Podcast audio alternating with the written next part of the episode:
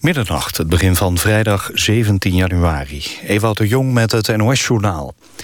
In Syrië zijn in de afgelopen jaren tien Nederlandse jihadisten omgekomen. Dat zei minister Timmermans in de Tweede Kamer. Volgens hem zijn er nog ongeveer 120 Nederlanders actief in Syrië. Zo'n 20 jihadisten zijn al teruggekeerd. De Turkse regering heeft twintig officieren van justitie overgeplaatst van Istanbul naar de provincie, melden Turkse media. Het is een volgende stap in het langdurige conflict tussen premier Erdogan en politie en justitie. Volgens Erdogan smeden politie en het gerechtelijk apparaat een complot om de regering af te zetten vanwege corruptie. De ruzie kwam half december in de publiciteit toen de politie drie zoons arresteerde van ministers van Erdogans AK-partij op verdenking van fraude. Ook tientallen zakenlieden en bankiers werden opgepakt. Erdogan ontsloeg daarop de politiechef van Istanbul en in de hoofdstad Ankara zijn inmiddels 350 politieagenten overgeplaatst of ontslagen. De schadetaxaties van de NAM na aardbevingen in Groningen zijn vaak te laag. Dat heeft de vereniging Eigen Huis gezegd in Nieuwsuur. Taxateurs van de NAM zeggen vaak dat bepaalde schade niets met aardbevingen te maken heeft, terwijl dat wel zo is. Volgens de vereniging Eigen Huis valt de schadevergoeding daardoor soms tienduizenden euro's te laag uit. In Iran zijn in de eerste twee weken van dit jaar 40 mensen geëxecuteerd, meldt Amnesty International. Daarvan werden 33 executies in de afgelopen week voltrokken. De meeste verdachten zijn veroordeeld voor een drugsmisdrijf. Amnesty noemt het aantal executies in Iran alarmerend. Een Kamermeerderheid is voor herinvoering van de stemcomputer. Na de VVD staat nu ook de PvdA positief tegenover het advies van de commissie van Beek. Die wil dat kiezers op een computer stemmen en daarvan een print maken. En die stembiljetten worden dan s'avonds met scanapparatuur elektronisch geteld. Het weer, de komende uren overal droog met opklaringen en minima rond 5 graden. Overdag af en toe zon, tot de avond droog, middagtemperatuur 8 tot 10 graden. Dit was het NOS Journaal. Radio 1. VPRO. Nooit meer slapen.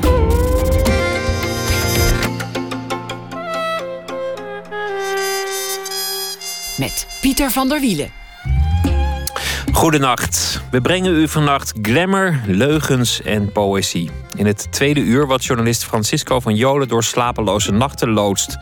Zeg ik een beetje beschroomd, want ik heb het u wel eens eerder beloofd, deze bijdrage. En AHJ Doutsenberg schreef in het boek Samaritaan over zijn spontane nierdonatie aan een vreemde. En nu bekent hij in een zelfinterview dat dat allemaal gelogen was. Maar dat mag in de literatuur. U hoort hem na één uur, net als kunstenares Anouk Griffioen. Die begon met het tekenen van glamourmodellen, maar geleidelijk aan verloren die modellen een beetje van hun glans. En maakte de glamour plaats voor nou ja, iets anders. Dat hoort u in het tweede uur. Maar we beginnen met poëzie. Mens, dier, ding heet de nieuwe bundel van Alfred Schaffer. Hij is hier te gast. Het is zijn eerste bundel sinds 2008. In de tussentijd verhuisde Schaffer terug naar Stellenbosch in Zuid-Afrika... waar hij lesgeeft aan de universiteit. Komend uur praat ik met hem over poëzie, over dictators... over Zuid-Afrika, over Nelson Mandela... Hij werd geboren in 1973. Zijn vader was Limburger, zijn moeder Antilliaans. Hij groeide op in Leidsendam. Won meerdere belangrijke poëzieprijzen, kreeg nog veel meer nominaties en lof. Woonde afwisselend in Amsterdam en Kaapstad en in 2011 vertrok hij misschien wel definitief naar Zuid-Afrika. Hartelijk welkom. Dank je. Je, je, je, vorige bundel uit, uit 2008, daar, daar uh, schreef je: het, het, is, het is wel mooi geweest. In het laatste gedicht kondigde je eigenlijk aan: nou ja, het is wel mooi geweest. Er, er zit geen samenhang meer in, in, in de nachtelijke zinnen je kondigde, je kondigde aan te stoppen met de poëzie, leek het wel. Ja, dat is er wel een beetje van gemaakt. Ik heb natuurlijk nooit uh, dat luid van de daken geschreven. Dat zou ook wel aanmatigend zijn. Ik bedoel, wie hoort dat nou? De dichter die zegt, nou, ik stop met dichten. Maar um, ik, had wel het, ik had wel het gevoel dat ik, dat ik niet meer wist... wat ik uh, verder nog zou kunnen schrijven. Um, dat ik misschien ook wel op een dood spoor zat qua vorm. Dat ik uitgepraat was. Je, bent, je, je, je leeft door, je maakt van alles mee. Je, je leest mooie dingen, je ziet mooie dingen. Je maakt verschrikkelijke dingen mee. Dus er gebeurt genoeg om waarschijnlijk over te schrijven. Maar ik, ik kwam niet uit die vorm die, uh, die mij misschien wel gevormd heeft... meer dan ik die vorm gevormd heb. En dan, dan word je er een beetje een gevangene van. Uh, dat is ook stijl, een stijlkwestie. Maar je moet niet uh, opgeslokt worden door de stijl. En dat was misschien allemaal een beetje te sprake. Dus ik, ik wist, ja, wat nou? Ik wil niet nog een keer dit schrijven, want dat heb ik nu juist al gedaan. Het was op? Het was gewoon een beetje op, ja. En uh, ik zei, dit gedicht, dat heb ik natuurlijk dan wel achteraan gezet. Het was niet het allerlaatste gedicht, maar um, het, is, uh, het is een beetje een, uh, zo'n nachtgedachte. Hè? Van, ja, wat nou? Uh, en dus daarmee een besluit. Dus ook leuk om aan het einde van de bundel te zetten. Dus het is ook gewoon weer vormtechnisch. Uh, ik had het ook aan het begin kunnen zetten. Maar dan ik, ja, er komt dus nog heel veel wat positief eigenlijk. Hij is dus helemaal niet gestopt met dichten. Dan was het hetzelfde gedicht geweest. Maar je hebt, maar, wel, je hebt wel eens gezegd, het is geen beroep. Het is niet iets wat je kiest. Het is, het is een roeping in het leven. Dichten. Het is iets waar je niet zonder kan. Hm. Hoe, is het, hoe is het als je roeping ophoudt?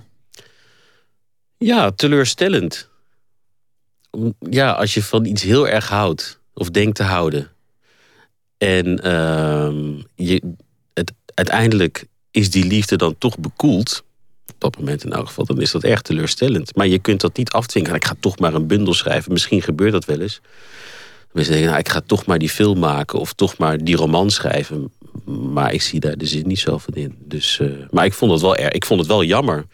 Maar het, het, het het leek mij een uh, voldongen feit. Van, nou, dat was het dan blijkbaar. Want ik voelde geen, uh, geen aandrang. Je en dat is interessant, want ik voel nou ook geen aandrang. Maar het is nu, ik, ik ben nu ook natuurlijk wel van teruggekomen. Je moet niet gelijk zeggen van nou, dit was het, ik voel niks, ik ga nooit meer schrijven. Ja, het komt heus wel weer, waarschijnlijk. Maar dit kwam ook na, na een periode, want, want daar ging die vorige bundel over. We gaan het over, we gaan het over je huidige bundel hebben. Maar, mm -hmm. maar toch, het, het, kwam na een, een hele intensieve periode in, in, uh, in je leven sterfgevallen, uh, verlies, rondgezworven op, op zoek naar woonruimte, geldnood. Ja. Alles, alles op je dak gehad. Clichématig als het zo achter elkaar gezegd wordt. Maar het was wel waar, inderdaad, ja. Echt een beetje dat uh, arme kunstenaars bestaan en zo. Ja, dat, dat was vermoeiend. Natuurlijk vooral het, het, verlies van, van dierbaren. Mijn ouders en mijn zus al veel eerder.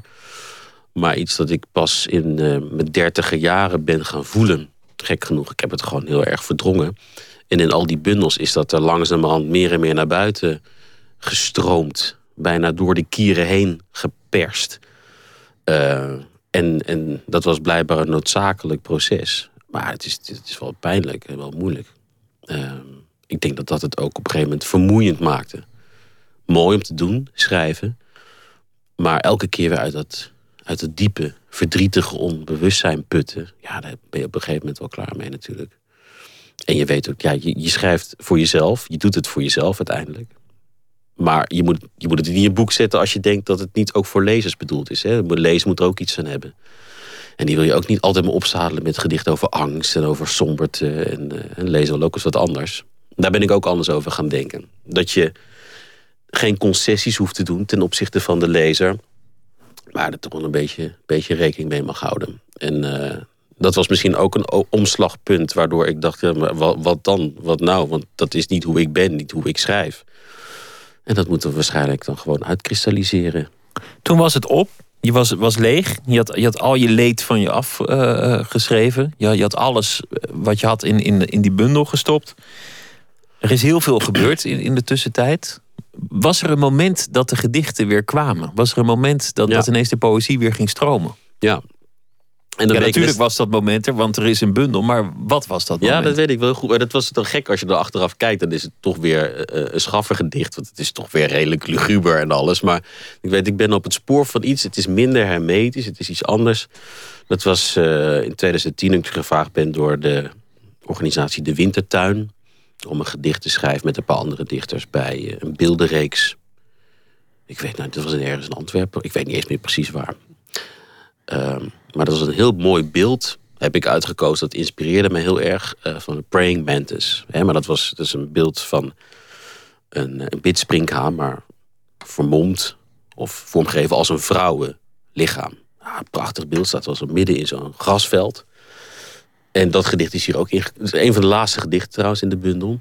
En dat is het eerste gedicht uh, dat ik zeg maar met de schone lei uh, weer schreef. En dat hierin gekomen is. Ik ben nu iets op het spoor dat iets anders zou kunnen worden. En uh, ja, toen snel volgde er al wat meer. En toen kreeg ik het idee, ik wil iets, iets heel anders maken dan wat ik nou gemaakt heb. En wat ik altijd al wilde doen is, vind ik een fascinerende figuur, die Shaka Zulu. Ik weet niet of jij dit gezien hebt, die televisieserie in de jaren tachtig. Ja, ja dat kan me nog wel herinneren. Weet je wel, ja, Shaka Zulu. Dat was ja. prachtig. En um, een beetje jaren tachtig als je het nu kijkt. Ik heb de DVD natuurlijk ook aangeschaft in Zuid-Afrika om een beetje research te doen. Maar het is toch wel echt uh, ja, slechte cameravoering en zo. Ik zei, het is nu niet meer zo genietbaar als toen, maar toen vond ik dat verschrikkelijk interessant. En uh, ik heb voor mijn proefschrift heb ik onder andere ook over Shaka Zulu gelezen, naar aanleiding van literaire teksten die ik, die ik over hem las. En ik vond hem van begin af aan op een of andere manier een heel fascinerende figuur, omdat er bij hem niet alleen veel geschiedenis omheen hangt, maar ook heel veel mythologie. Door misschien de Afrikaanse orale cultuur. Dus heel veel versies van verhalen over hem. Ik de, daar wil ik grootste, iets mee doen. De grootste Zulu die ooit geleefd heeft. Welke volken hebben nou een, een grootste? Ik bedoel, wie, wie was de grootste Nederlander? Ja, Willem van Oranje. Ja, oké, er zijn van die verkiezingen voor en zo. Maar, maar dat eigenlijk iedereen het er wel over eens is dat een volk één grootste had. Ja, ja, Atatürk misschien. Je hebt, je, hebt, je hebt ze sommige. In Nederland zou ik het misschien ook niet zo weten. Maar in elk geval daar is het, is het uh, ja, wel een onomstreden uh, grote figuur. Maar wel niettemin een, een zeer groot, uh, groot figuur. Is ook wel bij het schrijven van die bundel meer en meer. maar goed, je bent bezig met zo'n boek. Moet altijd denken aan die Gumba. Ik weet niet of je die kent. Maar ze is zo'n vent te schrijven het zweet parelt echt van zijn voorhoofd. Oh nee, niet alweer een kutboek. Maar je ziet hem doorschrijven en je kunt er niet zoveel van doen... terwijl je dus bezig bent om iets te maken. Was dat anders? Want um, je hebt wel eens gezegd over, over uh, het schrijven van zo'n bundel. Dat je, dat je dan de hele nacht opbleef. Of dat je, dat je een hele dag rondliep door Brussel of door Parijs. Of, of dat, er, dat er onder invloed van grote hoeveelheden drank. Dat, dat dan de gedachten ging stromen. Klonk als een vrij zwaarmoedig proces. Het schrijven van een dichtbundel. Was dat dit keer hetzelfde? Of ging het eigenlijke schrijven heel anders in zijn werk? Ehm, nou, het ging misschien wel een beetje. Niet dat ik. ik je hebt niet door Brussel gezworven. Nee, nee, nee. Was in Zuid-Afrika. Maar wel buiten je eigen habitat. En dat is natuurlijk wel meer en meer deel geworden van mijn leven. Dat ik een beetje buiten de context leef. En dat is zelfs nu hier. Je bent nou ook hier in Nederland, merk ik, ben ik nu ook een beetje zwervender geworden. Het is wel fijn om ergens thuis te horen. Dus het is niet dat ik daarnaar streef. Maar ik merk dat ik gewoon misschien hebben andere mensen ook, dat je je verbeelding uh, makkelijker kunt laten gaan. Of dat je dieper of sneller bij, bij gedachten uitkomt als je op een plek bent waar je niet door alledaagse dingen uh, wordt afgeleid. Dus het, was, het klinkt misschien zwaarmoedig, maar het was heerlijk om door Brussel te lopen of door andere steden. Istanbul heb ik ook wel dingen geschreven. Dat ging daar altijd heel snel vanzelf. Maar als het eenmaal stroomt, blijft het dan ook komen? Zoals bij, bij deze bundel. Op een gegeven moment, je zegt, nou ja, ik, ik was op, ik was klaar, ik kon niet meer dichten. Ineens was het er weer.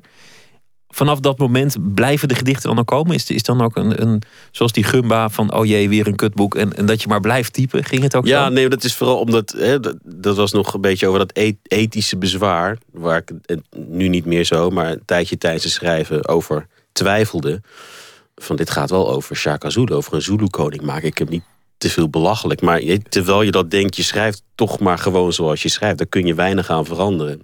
Dus dat bedoel ik eigenlijk met dat, dat mhm. automatische in een richting schrijven. Maar steeds aan een bureau? Of, of kwamen de gedichten ook overal? Ook als je in de, in de auto zat of uh, als je door het park liep? Nou, het is wel eens een keer in de auto gebeurd. Maar ja, dat natuurlijk niet zo goed. Ja, nou, je moet ze de kost geven. Uh, of er veel in de auto geschreven wordt in Zuid-Afrika. Want er wordt vaak ontzettend slecht gereden. Dus misschien schrijven wel meer mensen gedichten in de auto. Het, het is een verschrikking daarop te Het zijn allemaal wegpiraten, dus dat kan er Ja, misschien zijn het allemaal dichters. Omdat men bezig met een gedicht. en dan hup, ze slingeren ze weer naar links zonder richting aan te geven. Maar ik heb het wel één keer gehad. En heb ik het gewoon op een uh, dictafoontje of zo op mijn, op mijn iPhone even snel opgenomen. Wat, wat woorden. Maar het is vaak vanaf, vanachter het bureau ontstaan. En, ja, soms een beetje in je hoofd, maar dan schrijf je het wel achter bureau op. Wat, wat, wat rustiger. Maar in wezen is het hele Zuid-Afrika natuurlijk één groot schrijvershuis geworden voor mij. buiten, het is natuurlijk wel nou gewoon daar mijn dagelijks leven, maar je bent er toch niet helemaal thuis en dat zal nooit gebeuren. Dus, dus dat gevoel van op vakantie zijn of niet gebonden zijn aan, aan besonjes, maakt dat de poëzie dan ook makkelijker komt. Ja, maar ik, zeg, dat is, ik ben natuurlijk heel erg gebonden aan bezonjes daar. Want ik betaal er nu ook helaas gewoon belasting en zo. Dus ik ben en huur en, en gas en water en ja, ja, Dus, maar het, ja, ik heb toch het meeste van mijn eh, leven tot nu toe nog in Nederland doorgebracht. En ik ben gewoon Nederlander. Dus hoe lang ik daar ook zal wonen uiteindelijk... ik word nooit een Zuid-Afrikaan. Dus je blijft toch een beetje een afstand houden. Breit en Breitenbach noemt dat de middle world. Dus alsof je altijd een beetje zwervend bent. Dat kan eenzaam zijn. En dat is het soms ook wel een beetje. Je wilt ook ergens thuis horen. Bij je eigen vrienden zijn. En die zijn er ook overal wel. Maar het wordt hier wat meer van een afstand. En daar kom je misschien nooit dichtbij genoeg. Maar aan de andere kant is het ook een heerlijke staat van, van vrijheid. Dus ik denk dat ik daar een beetje van geprofiteerd heb. Onbewust. Maar het is niet in één stroom gekomen. Omdat ik gewoon werk heb. Aan de universiteit. Ik ben geen poëziekenner. Eigenlijk uh, kan ik niet zoveel zinnigs over poëzie zeggen. Nee. Dus, dus het gaat bij mij een beetje intuïtief. Ik, ik, ik, las je bundel vannacht, kwam thuis van deze uitzending. Dacht, nou ja, vooruit, neem nog een glaasje wijn. En, je moet uh, iets. Ja. En ging de bundel lezen. Werd, werd enorm gegrepen. Op de een of andere manier was het, ik hoop dat ik niet al veel onzin zeg, als een, als een road movie die je meeneemt. Een, een verhaal waar werkelijk, ik bedoel, er is niet echt een, een verteller. Er is niet echt een vaste tijd of plaats. Er is niet echt een vaste vorm. Maar het, het deed aan alsof je volledig bevrijd bent van alles. Ja, dat is, dat is ook wel waar ik meer. Maar zelfs tijdens het schrijven ook al wel achter kwam. En dat is natuurlijk heerlijk, wat je ook doet in het leven. Maar dat je voelt, ik doe dit omdat ik het wil doen. En ik doe zoals ik het wil doen. En het maakt me helemaal niets uit wat iemand anders daarvan gaat denken. Al dat soort gedachten. Of het nou een dagelijks werk is, of uh, als je in de kunsten zit, of in de politiek. Dat is een ontzettend lekker gevoel. Dat had ik hierbij echt, het, uh, wat men er ook over gaat zeggen, dat kunnen ze niet meer van me afnemen. Ik voelde me echt inderdaad heel. En waar dat door kwam, dat weet ik niet. Maar heel erg bevrijd en vrij tijdens het schrijven van deze bundel. Van, ik doe het gewoon. Ik laat het ook niet alleen. Ik doe nou iets anders. Want het is, het is, het is nooit zo doelgericht. Hè? Van, ik ga nu hier en hier een gedicht over schrijven en ik ga nu deze regel. Dat komt allemaal vanzelf. Maar het is vooral, wat laat je staan? En ik heb heel veel dingen die ik misschien vroeger ook wel schreef. Ik zei, nou ja, dat, dat kan toch eigenlijk niet. Dat is toch geen gedicht dit? Ik zei, nou, ik zet het er gewoon bij. Leuk, doen we. Helemaal een beetje lucht in te krijgen ook. En ik had, uh, dus, ik ken haar redelijk goed. Ankie Krogge, Zuid-Afrikaanse dichteres. Um, ze heeft eigenlijk ook nogal geholpen die uh, had ik een keertje, was ik daarmee aan het uh, praten. En uh, die zei, zij schrijft ook nogal redelijk zware politieke gedichten. Maar altijd als ik een bundel af heb, of als hij bijna klaar is, zegt ze. Dat, dat, want ze heeft een heel grappig gedicht over een opa en oma en die poep op de stoep. En dat is dan poep is dan scheetjes laten in Afrikaans. Dat is een beetje een gedicht naar aanleiding van een bekend rijmpje. Opa en oma zitten op die stoep en opa laat de poep. Het is een hilarisch gedicht. Hier is de context misschien een beetje weg, maar als ze dat daar voorlezen, het werkt als een bom. Ze waar, waar komt het vandaan? Ze kijkt heel bewust als de bundel klaar is. Is, het, is er wel humor genoeg in? Is er lichtheid genoeg in? Anders dan stop ik het er nog in. En daar heb ik deze keer echt wel meer naar gekeken. En uh, ja, dat is ook een beetje meer het aard van het beestje. Want vrienden zeiden ook altijd van ja, wel mooi, moeilijk. Mijn vrienden lezen ook niet echt poëzie. Maar het is allemaal zo zwaar en donker, maar dat ben je helemaal niet. Waar komt het nou vandaan? Dus het is misschien wat meer een balans deze keer. Wil je, wil je een stuk uh, voordragen? Ja, dat kan wel. Niet speciaal een heel hilarisch gedicht, maar ook van korte. Um, ja, die, die, die, er is dus een, een reeks gedichten die, die dagdromen heet. Dat zijn de dagdromen van Shaka en die tellen allemaal af. Die tellen af naar nul. want hij weet, volgens dit boek in elk geval, volgens deze richtlijn, weet hij natuurlijk al precies welke dag hij gaat sterven. Dus dat hou je dan natuurlijk bij. Nieuwjaar, dagdroom 1354. De lucht was afgekoeld. Vanaf mijn piepkleine balkon had ik geen schijn van kans tegen het straatgewoel. Dus wierp ik voor het slapen gaan vanaf twee hoog het anker uit, dat met een zware ketting aan de buitenmuur bevestigd zat. Met een gesmoorde plons verdween het in de grond. Een groepje ganzen dobberde als in een dronkenmansgebed beneden in het gras rondom mijn flat. Ik durf te wedden dat het ganzen waren, gakkende, witgrijze vlekjes. Niet lang na middernacht werd ik, half wakker en door blindheid overvallen, naar het raam gezogen dat nu open stond. Nog net zag ik het schijnsel van het dorp achter de horizon verdwijnen. De ketting waar het anker aan had vastgezeten, zwaaide driftig heen en weer. Ik sloot het raam, zo zacht ik kon, om geen lawaai te maken, ging toen opnieuw naar bed. We gaan, uh, we gaan luisteren naar uh, muziek, want we hebben ook muziek uh, uit Zuid-Afrika. Miriam Makeba, ja, mm. dat, dat is natuurlijk vanzelfsprekend. De, de legende, overleden in 2008. Mama Afrika. Ja, zij was de belangrijkste zangeres van, van Zuid-Afrika. Mama Afrika inderdaad. En het nummer heet Table Mountain.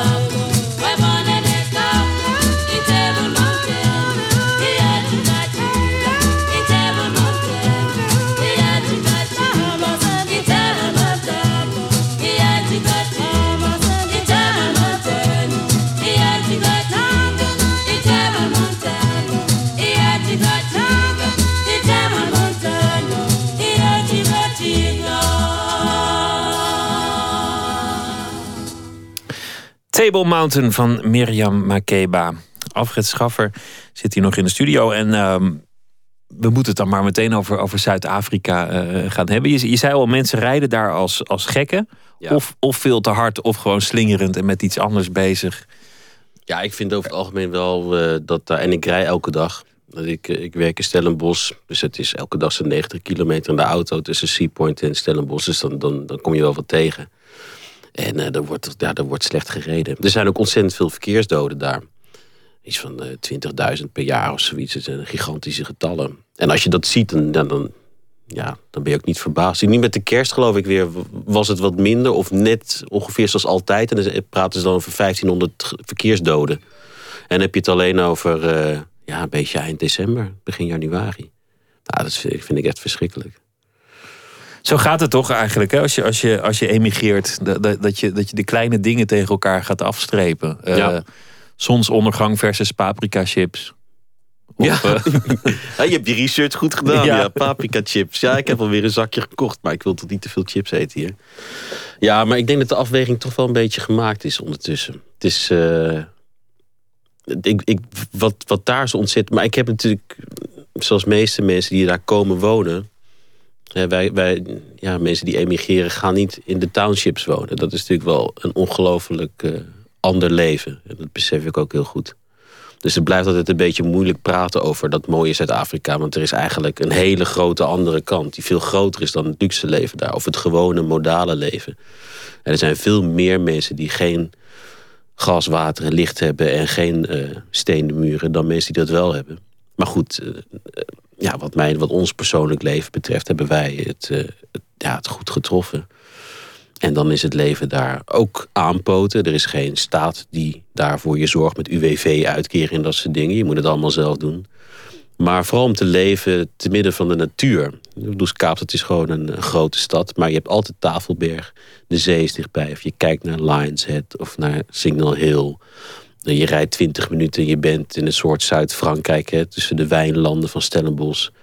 Je leeft daar veel meer. Je ziet het ook aan veel Zuid-Afrikanen. Die veel meer weten van flora en fauna dan, dan misschien meer Nederlanders hier. Of Europeanen. Die echt allerlei grassoorten herkennen. En dan helemaal niet specifiek natuurliefhebbers zijn, maar daar gewoon mee opgegroeid zijn. En dat is wel echt een zegen. Dat merk je dan als je vandaag, natuurlijk ook in de winter, dat snap ik ook wel, maar aankomt in Nederland. Het is helemaal grijs, dicht geplamuurd en alleen maar baksteen en randstad. En. Uh... Ja, maar het is januari. Dat is ja, ook, nee, daarom, het, is, het, is, natuurlijk ook niet. Als we januari konden afschaffen, was het nog best aardig hier. nee, dat is, ik, ik heb hier niet voor niets heel lang een hele mooie tijd gehad. Maar het is. Uh, ja, het leven daar zoals, zoals wij het hebben in elk geval is, uh, is wel prachtig. Het is natuurlijk wel, dat maakt het moeilijk. Het is echt leven met een schuldgevoel. Eh, want uh, je stapt je deur uit en er zijn straatkinderen. Niet, niet gigantisch veel, maar je ziet ze. Er zijn mensen die slapen op straat. Uh, ja, daar moet je je toch ook toe verhouden. Heel veel mensen doen dat door een hoofd maar af te wenden. Maar dat, dat, dat, dat, dat kan ook niet echt natuurlijk. Dat is, en geweld. Het, haalt hier lang niet meer altijd de kranten. Maar, maar soms, soms staat er in de New York Times een, een, een, gruwelijk verhaal van een, van een verkrachting en een, en een moord. En een, en maar ja, net zoals hier ook, hè, want er zijn natuurlijk ook een aantal uh, verschrikkelijke dingen gebeurd in Nederland de afgelopen paar jaar. Uh, vorig jaar volgens mij nog, met uh, twee jongetjes die vermoord zijn door een eigen vader. En je ziet dat dat soort dingen. Ja, het wordt heel groot gemaakt. En het, helaas is dat ook wel zijn het ook wel eh, dingen die een flinke impact hebben op de samenleving. Maar ook daar speelt het vaak af, juist tussen mensen die elkaar heel goed kennen. Dus natuurlijk wordt er ook, worden ook toeristen wel eens het slachtoffer van, uh, of volledige buitenstaanders van misdaad. Maar vaak, die verschrikkelijke verkrachtingsverhalen, dat, dat is dan een oom, nu ook weer in het nieuws daar, die dan zijn uh, weet ik, vijfjarige dochtertje of, of nichtje verkracht heeft. En het is allemaal een familieverband. Op de Cape Flats waar heel veel bendegeweld is. Ja, daar merk je in, in Kaapstad zelf, merk je daar natuurlijk niets van. Het is er dus wel heel erg, het geweld. Maar erg gelokaliseerd en ook heel dikwijls wel uh, ja, in besloten kring. Uh, die Oscar Pistorius, uh, zo'n hardloper met van die Blade Runner noemen ze hem. Ja, dat was, dat was hier ook groot heeft dus niet iemand zomaar... Dat is een vriend, zijn vriendin heeft hij doodgeschoten. Dus er is wel veel geweld. Maar het is niet alsof je daar als buitenstaander... ook een soort van een loslopend wild bent. Hè? Elk moment kan je iets gebeuren. Dat soort indianenverhalen... Ja, dat is wel eens een beetje overtrokken. Het gebeurt wel. Maar veel van het geweld is ja, op bepaalde plekken. Toch, je zegt, ik ben, ik ben daar lekker prettig een buitenstaander. Maar ik, ik moet me toch op de een of andere manier een houding geven ten aanzien van alles wat er gebeurt. Dan, dan is er ook dat belaste verleden, wat, wat toch nog steeds een rol speelt. Ehm, je hebt een dochter. Ja. Jij, jij bent geboren uit een, een Limburgse vader en een Antilliaanse moeder. Dus is, is jouw dochter dan in de ogen van Zuid-Afrikanen een, een halfbloed? Of, of, ja, technisch wel. Technisch nog steeds. Ze, ze, ze is blond. En ze heeft mijn gelaatstrekken en die van mijn zusje ook en die van mijn moeder. Dus ze heeft eigenlijk de, de trekken van een, van een donkere. En uh, dat was vorig jaar of twee jaar terug was er weer eens een telling. In de zoveel jaar was er een telling. Wij werden ook geteld. En uh, ja, zij is een kleurling. Ze ziet er niet zo uit natuurlijk. Maar, maar speelt dat omdat haar vader niet, uh, niet blank is. Ja, maar dat moet je dan invullen bij zo'n hokje? Wat, wat toch... Ik moest het nou voor mijn vaste contact. Ben ik Indiaas? Altijd in, Indiaas ook omdat er veel uh, Indiërs uh, wonen in, uh, aan de oostkust. Of zwart. Of wit. Dus dat is niet blank, maar wit. Altijd dat, dat kruisje. En ik weet, voordat ik naar Amsterdam ging, terug verhuizen, zeg maar, was, had ik het ook wel een beetje gehad met altijd maar die labels over huidskleur. Van, ja, dat maakt natuurlijk wel heel veel uit daar. Dus dat is nou helemaal zo. Maar op een gegeven moment krijg je er wel een beetje genoeg van toen ik een tijdje dreadlocks had, werd je ook gelijk anders aangezet. Heel erg gaat op uiterlijk. Toen vroeg ze het alsof ik uh, hars had en zo op straat. Verkoop je nog een beetje. Dat heet dat die, die, die rasta groet maken en zo. Alsof ik nou rasta ben opeens. Dat, uh, dat, dat, dat idee van huidskleur en identiteit, die koppeling, ja, die is en blijft heel sterk. Dus als er meningsverschillen zijn, dan komt het, ja, that's because you're white, that's because you're black. Ja. Uiteindelijk snap ik ook wel dat het vandaan komt. Want huidskleur staat er ook voor een hele andere maatschappelijke, sociale, politieke, economische achtergrond. Dus dat klopt ook wel ergens. Maar steeds die koppeling aan toevallige huidskleur, dat is natuurlijk waar het uiteindelijk in het begin fout gegaan is. En dat is soms heel frustrerend om elke keer weer daarop gewezen te worden. Jij hebt uh, een liefde opgevat voor, voor het Afrikaans, voor, voor de taal. Ja. En, maar dat, dat is niet. By accident.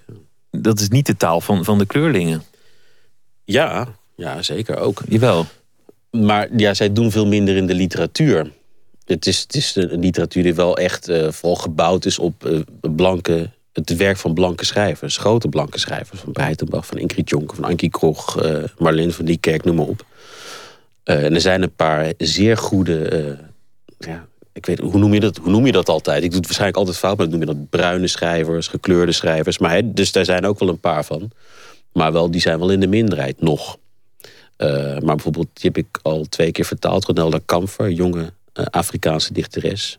Zij is een, een gekleurde of uh, niet blanke dichteres. Die heeft het hier ook, begrijp ik, heel goed gedaan met haar eerste twee bundels. En die schrijft ook echt over andere dingen dan een blanke jonge dichteres met de Afrikaanse taal zou doen. Dus het is ook wel degelijk de taal van de Afrikaanse kleurling of bruin vrouw, streep man. Maar um, ja, die, die zien je nog, zie je nog niet zoveel in de literatuur. Maar eigenlijk de grootste, grootste aantal sprekers is bruin. Wie, wie zijn jouw studenten en, en, en hoe populair is dat Afrikaans nog? Um, nou, we hebben 400 eerstejaars. En ik doe natuurlijk geen Afrikaans. Ik geef dan Nederlandse taalverwerving het eerste jaar. Dan verder Nederlandse literatuur. Um, 260 studenten kiezen het eerste jaar voor Nederlandse taalverwerving. Dus ik sta voor een grote groep uh, te praten. Dat vinden ze allemaal hartstikke leuk. Um, 100 tweedejaars. Het neemt een beetje af naarmate eh, als je zeg maar honneurs ingaat dan moet je echt gaan kiezen. En dan kiezen veel studenten pragmatisch. Oh, toch met, met recht of economie, daar kan ik tenminste een baan mee krijgen. Met Afrikaans misschien niet. Maar tot die tijd, als het nog deels van een ander keuzepakket... zie je dat we veel studenten hebben.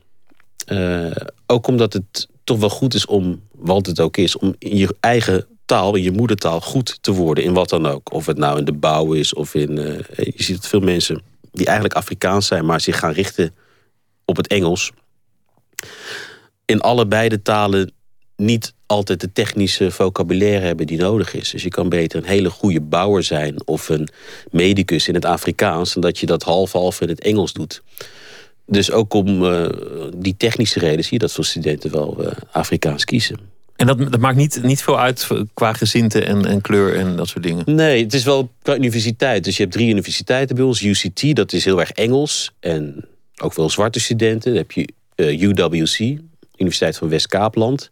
Daar zie je vooral veel zwarte en bruine studenten. En Stellenbosch is wat dat betreft nog heel erg blank en Afrikaans-Engels. Maar daar zie je ook gelukkig steeds meer uh, andere kleuren rondlopen. Maar is overwegend nog erg blank.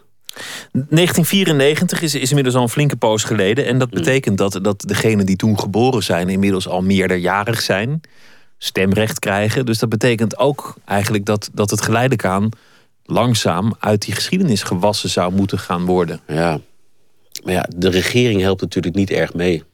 En dat is waar. Uh, ik zag dat eergisteren nog op, op wat gisteravond op het vliegveld nog in, uh, in een van de kranten. Dat in Gauteng, dus waar Johannesburg en Pretoria zitten, die provincie.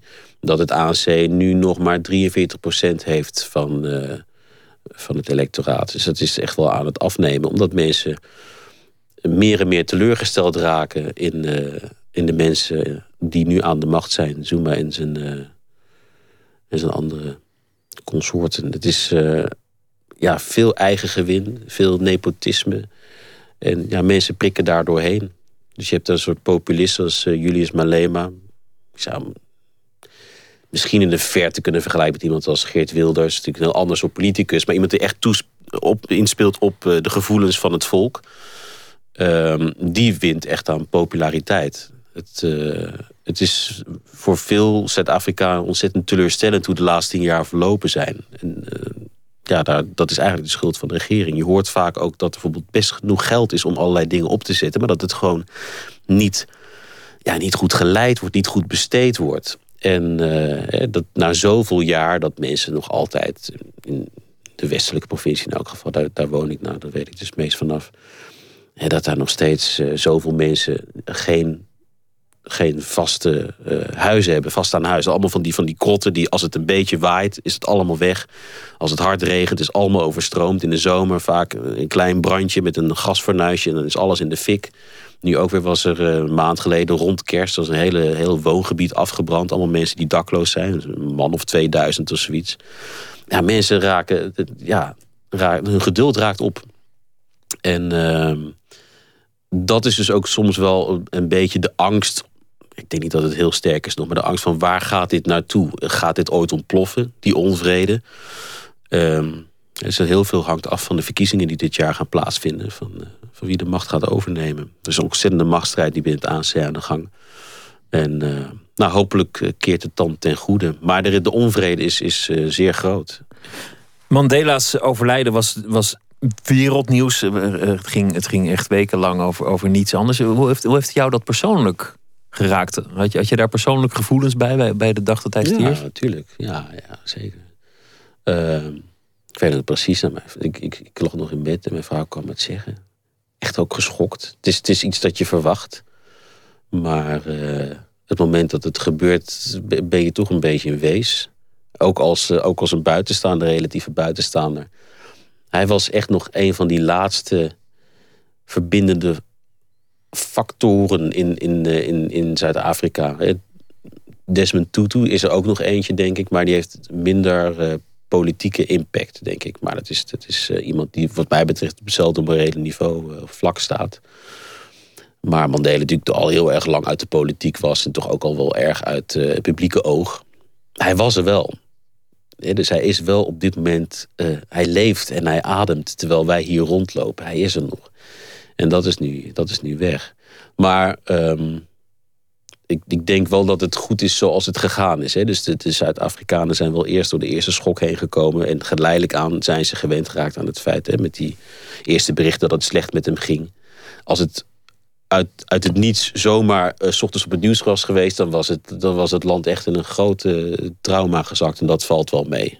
Dat is, dat, het is wel... Uh, het heeft wel echt zijn stempel gedrukt, maar mensen kunnen daar wel mee overweg. Maar als het in één keer zomaar was gebeurd nou, dan was het wel heel erg moeilijk geweest, denk ik, om, je, om daar uit te worstelen. Vooral omdat er dus geen alternatief is. Anders zeg je van, dat is, hij heeft de weg geleid naar hè, democratie, naar een nieuwe samenleving. En kijken hoe het hier voortgezet wordt door de huidige politieke machthebbers. Maar dat is het dus niet. En dat maakt het zo frustrerend. Voor dat maakt het zo, zo pijnlijk. Hij werd, werd ook door, door heel veel mensen gezien als een, als een, uh, een voorbeeld voor meer uh, universele waarden. En, en, voor, voor meer een menselijk voorbeeld. Ja. Van, van hoe je je over rancune heen kunt zetten. Hoe je met tegenslagen om kunt gaan. Hoe je je kunt verzoenen met, met je vijanden. Ja, Ubuntu hè. Ja, met uh, thee drinken met Betsy Verwoerd.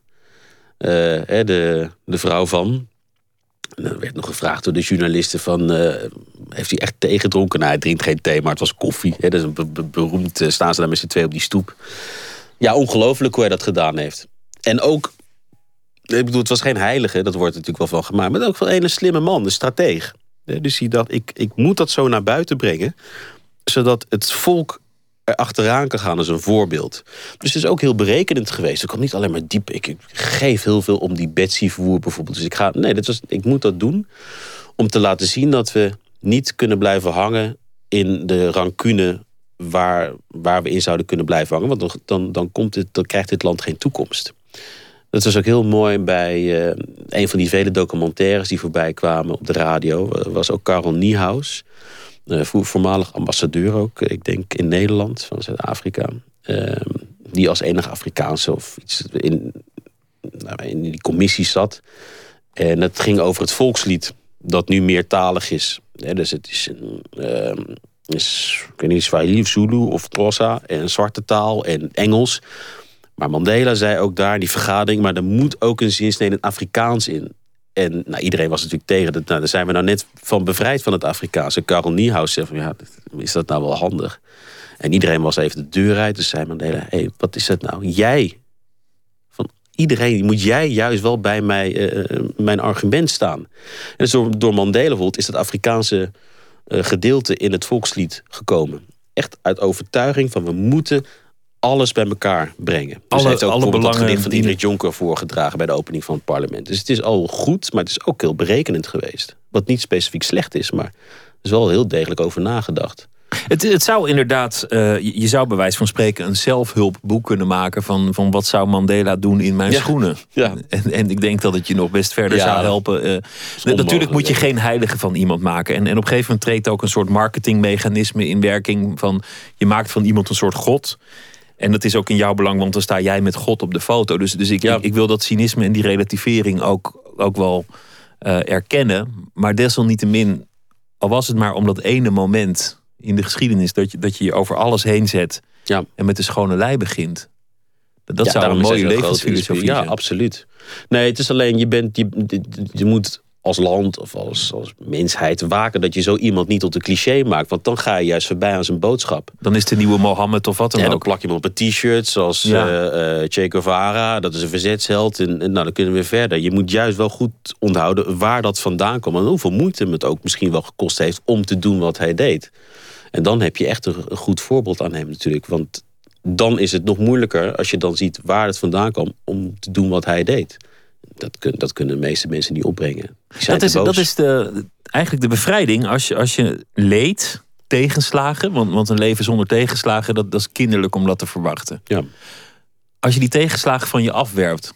Dat is alsof je een dictator je land uitstuurt. Ja. Oké, ik, heb, ik heb alle ellende gehad, maar nu is het afgelopen move. Wegwezen. Kutsch, jij, Ja. eruit. Dat, dat heb jij ook gedaan eigenlijk. Je hebt het leed afgerond op, op een zeker ogenblik. Nou, ik weet niet of het afgerond is. Ik denk dat je het altijd een beetje met je meedraagt. Dus vanochtend toen ik op het vliegveld kwam... eh, had ik het opeens heel zwaar te pakken bijvoorbeeld. Omdat je hier terugkwam. Ja, geen moment bij nagedacht. Het duurde heel lang voor we uit dat vliegtuig kwamen. Ik denk dat, er, eh, dat men vermoedde dat er of illegaal of iets illegaals aan boord was. Dus duurde heel, we moesten allemaal ons paspoort ook bij ons houden. Dus we stonden heel lang in die sluis ook. Was misschien ook wel een beetje moe. Een gezinnetje voor me met eh, twee kindjes en zo. En opeens kreeg ik het echt te kwaad. Ik stond bijna te janken in, in die sluis. Wat krijgen we nou? En dat, dat je opeens beseft, het is toch al een tijdje terug... dat ik, ik weet nou ondertussen wel dat mijn ouders er niet meer zijn... en mijn zus, maar opeens beseft, ja, die zijn dus niet om mij op te halen hier. Dan ben je een wees. Ja, maar goed, dat weet ik al wel. Nou, om op terugkomt die vraag van, hè, je hebt het van je afgezet... ik ben er wel mee in het reinen gekomen. Maar op dat moment merk ik dus, is het, is het nog heel erg. Uit het niets. Het was gelukkig ook weer zo weg. Anders denk ik, waar staat die vent hier nou te janken? Is nou- Het is niet zo weg om in zijn sluis te staan. Maar het is een beetje, beetje gênant was het bijna. Maar het was ook wel ja, dat opzicht interessant toen het gebeurde. Wat, wat, wat gebeurt hier nou? Wat is het nou raars?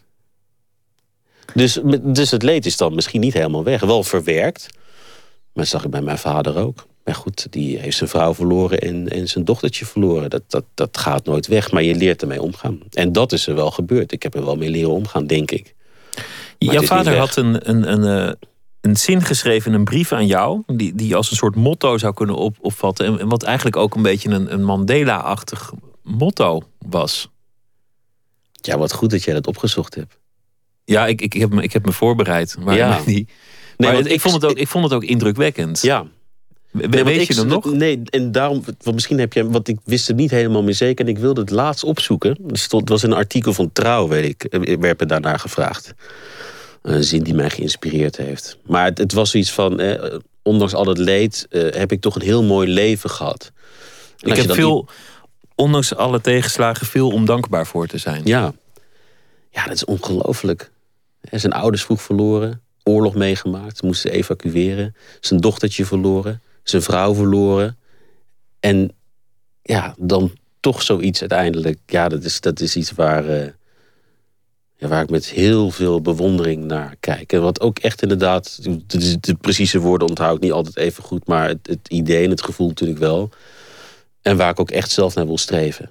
Als het een beetje tegen zit. Oké, maar je hebt ook heel veel om dankbaar voor te zijn, Alfred. En ik denk dat ik op dat vlak wel een beetje aan het komen ben. Dat is echt een beetje door hem. Ik wist niet wat ik las toen ik dat eh, in die brief las die hij aan mij had eh, nagelaten. Ik dacht, god, dat jij dat zegt. Maar dat vergt ook, ook kracht. Ik bedoel, dat- vergt echt eh, veel van jezelf om, om, om dat te kunnen zeggen. Ja, opofferingsvermogen. Wat ook sowieso was, hij had iedereen al verloren. En dat zeiden ook kennis en buren van mij. Laat jou gewoon naar Zuid-Afrika gaan. Helemaal nooit van ja, ik ben wel een beetje alleen. Hè? Dat soort, wat, wat heel normaal zou zijn misschien voor een ouder. Niet eens zeggen je mag niet. Maar af en toe laten merken dat je toch een beetje eenzaam bent hier in Nederland. Heeft hij nooit gedaan. Jij moet je eigen weg vinden. Ga jij maar de wereld in en zoek maar uit hè, zoals je het wil doen. Dat is ook heel knap. Dat is ook echt iets dat je ja, zou moeten leren kunnen. Maar wat niet iedereen gegeven is natuurlijk. Jij wilt ook die mensen een beetje bij je houden. Niet weggaan. Maar zo was hij niet. Heeft hij jouw ehm, succes nog, nog meegemaakt? Ja, ja, ja. Ja, heel erg. Ja, die zat op de voorste rij. En eh, knipt ook alles uit. En ook mijn promotie heeft hij nog meegemaakt. Toen kwam ik een keer terug uit Nederland. En eh, had ik ook post gekregen, weet je wel. En dan had hij overal, ja, ik weet niet voor wie, maar had hij op enveloppen had hij altijd meneer, had hij dan doorgezegd een dokter bijgezet, dokter Schaffer.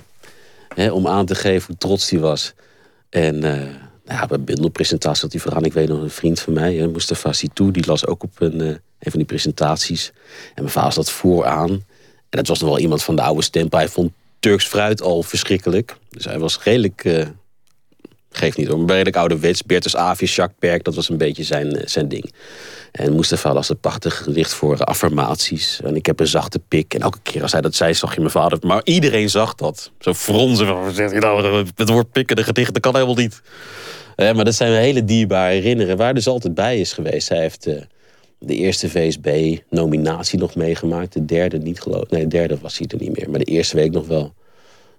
Toen werd er s'nachts, uh, bijna s'nachts gebeld. En ja, wist ik, ik wist toch helemaal niet van die feest bij eigenlijk af. Ik ben er helemaal niet mee bezig op zo'n moment. Het was de tweede bundel pas. Ik zei, pap, ik ben genomineerd voor de VSB. Hij wist niet eens wat het was. Hij met zijn armpjes zo omhoog. Ja, zijn hele, dus het is heel mooi dat hij daarbij is geweest. Dus ik heb, ja, helaas mijn moeder niet natuurlijk, maar uh, hij zeker wel. En hij zei ook altijd, ik begrijp niet helemaal waar het over gaat, maar ik vind het wel heel mooi. En als ik dan zei, het gaat hier en hier over. Bijvoorbeeld één lang gedicht, de muziek die ons toekomt zei ik, ja, het gaat een beetje over jou. Oh, nou begrijp ik het. Want hij was wel erg literair geïnteresseerd. Hij las veel. Maar ja, die moderne poëzie, dat zijn hem niet zoveel. Maar, maar, maar, je komt aan vanochtend op Schiphol. Je, je hebt een lange dag. Waarschijnlijk niet veel geslapen in, in het vliegtuig. Je, je, nee. je, je, hebt hier eigenlijk niet, zo, niet zoveel, maar althans geen, geen familie. Je, je bent uh, naar Zuid-Afrika gegaan omdat dat je daar ook een beetje een buitenstaander uh, uh, wil zijn. Je, je had eigenlijk ook naar de eilanden kunnen gaan. Daar heb je natuurlijk ook nog uh, een geschiedenis. Ja. Daar heb je ook nog, nog, nog wortels. Heb je eigenlijk al gekozen? Of, of, moet je dat helemaal niet van iemand vragen om ooit te kiezen? Nee, nou, ik, ja, ik kies voor mijn vrouw en mijn dochter. Waar zij gaan, ga jij ook? Ja, daarom ben ik ook uiteindelijk in Zuid-Afrika gebleven. Ik ben er gegaan omdat ik het erg mooi vond en ik wilde daar studeren. Maar ik ben er gebleven omdat ik uh, mijn vrouw ontmoette. In 2016 zijn we na 20 jaar samen. En we hebben een hartstikke leuk dochtertje. En dat is mijn familie. Dus als zij naar, uh, weet ik veel, nou ik hoop het niet, maar Afghanistan willen verhuizen, dan ga, dan ga ik natuurlijk mee. Dus dat is een beetje mijn, uh, mijn thuis. Mobiel thuis, maar het is wel thuis. Kijk je ook om in, in je werk? Uh, als, je, als je vorige bundels pakt, lees je dat dan met trots? Of, of zijn dat dingen die je, die je een beetje achter je hebt gelaten? Of? Nou, dat laatste wel een beetje. Trots heb ik nooit zo, ja, eigenlijk nooit gehad bij mijn eigen werk. Uh, interesse wel. Ik, heb, er is een hele mooie, vind ik, hele mooie bloemlezing uitgebracht dit jaar, of, begin vorig jaar, 2013, in het Afrikaans, met Afrikaanse vertalingen. En is me gevraagd om dan zelf die gedichten te kiezen. Dus toen ben ik weer door mijn eigen werk gaan lezen. En dan, ja, dan is het toch wel heel veel waar je niet zoveel mee, mee hebt. Maar ik denk dat dat heel erg logisch is. Sommige, gedichten zijn 15 jaar oud. Dus het is heel, als je daar dan nog heel lyrisch over bent, dan betekent ook dat je niet erg gegroeid bent. Maar er zijn nog zeker wel een aantal teksten waar ik iets mee heb. Maar veel teksten, ook zeker die in de tijd van wat meer verdriet zijn geschreven. Ja, daarvan denk ik ook van, oh, het is, is redelijk, uh, redelijk, niet alleen zwaar, maar redelijk hermetisch. Soms weet ik het zelf ook niet helemaal meer. Is het heel intuïtief ontstaan blijkbaar. Uh, maar dat geeft niet. Wil je, wil je iets uh, voordragen? Je mag, mag zelf kiezen of het uit de, de huidige of de vorige bundel is. Um, nou, dan misschien toch iets uit deze. Dat is altijd goed. Leven in het heden. Ja. Ik heb, dus, ik heb alleen geen... Uh, maar ik vind het gelukkig snel. Ik, er zit geen, het is, het is een, eigenlijk een doorlopend verhaal, dus er zit geen inhoudsopgave bij. Maar ik heb het al gevonden. Zelfportret als Sinterklaas. Dagdroom 1015. Keihard wordt er aan de deur geklopt. Was ik het zelf niet, zou ik gillend achter de gordijnen schieten. Ik kwam per trein. Mijn paard is dood, de boot gezonken. Uitgeput kruip ik de daken op. Als ik eens spreek, dan spreek ik honderd uit. Houd ik mijn mond, dan ben ik heel erg oud.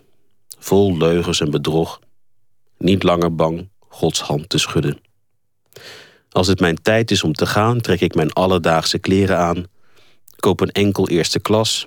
Ik sukkel onderweg in slaap als een suppost.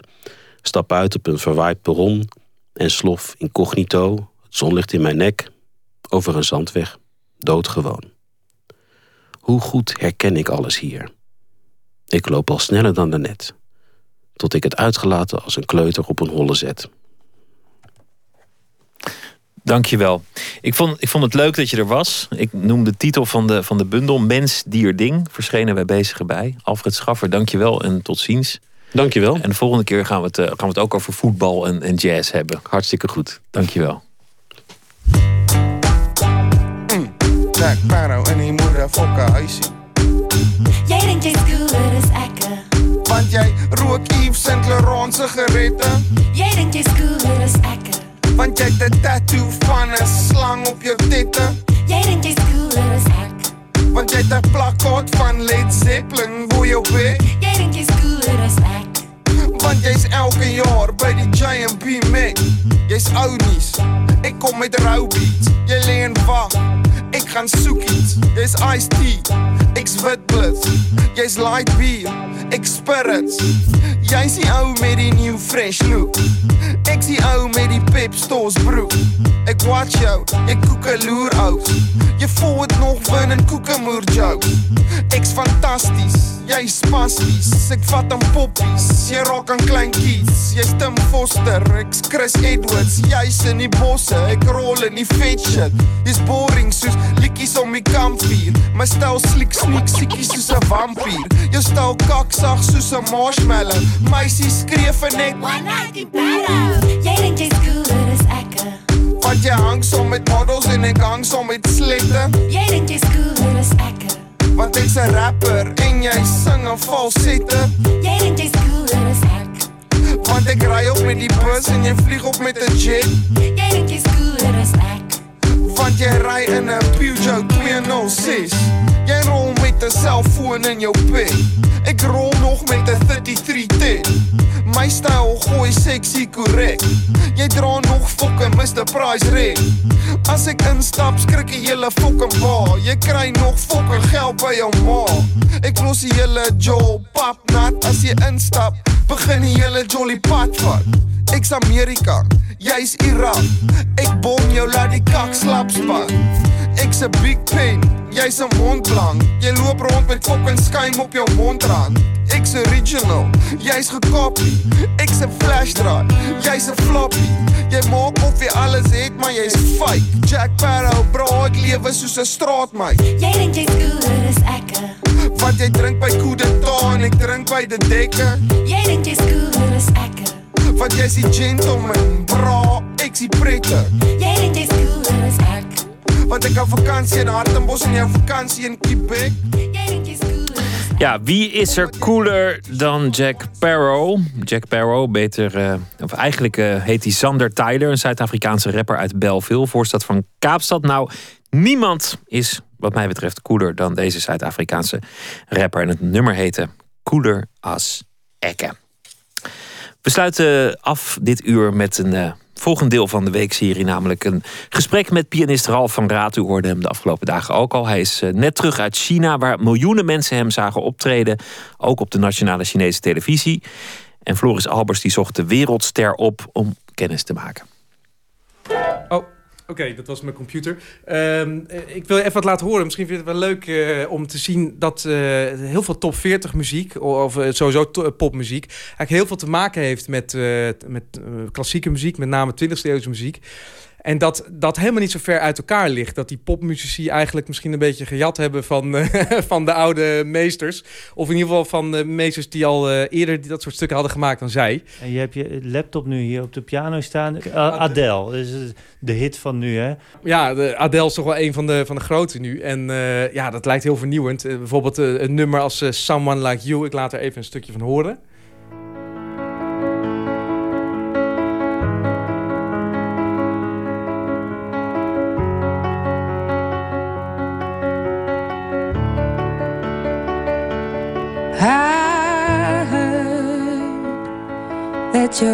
Ja, kennen we allemaal.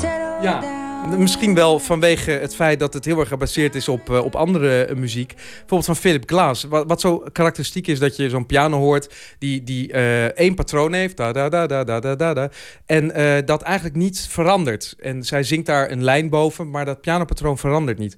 Nou, Philip Glass deed hetzelfde al in de jaren 70, 80. Ik speel nu een stukje uit 1988 van Philip Glass, een moderne, eigentijds klassieke componist.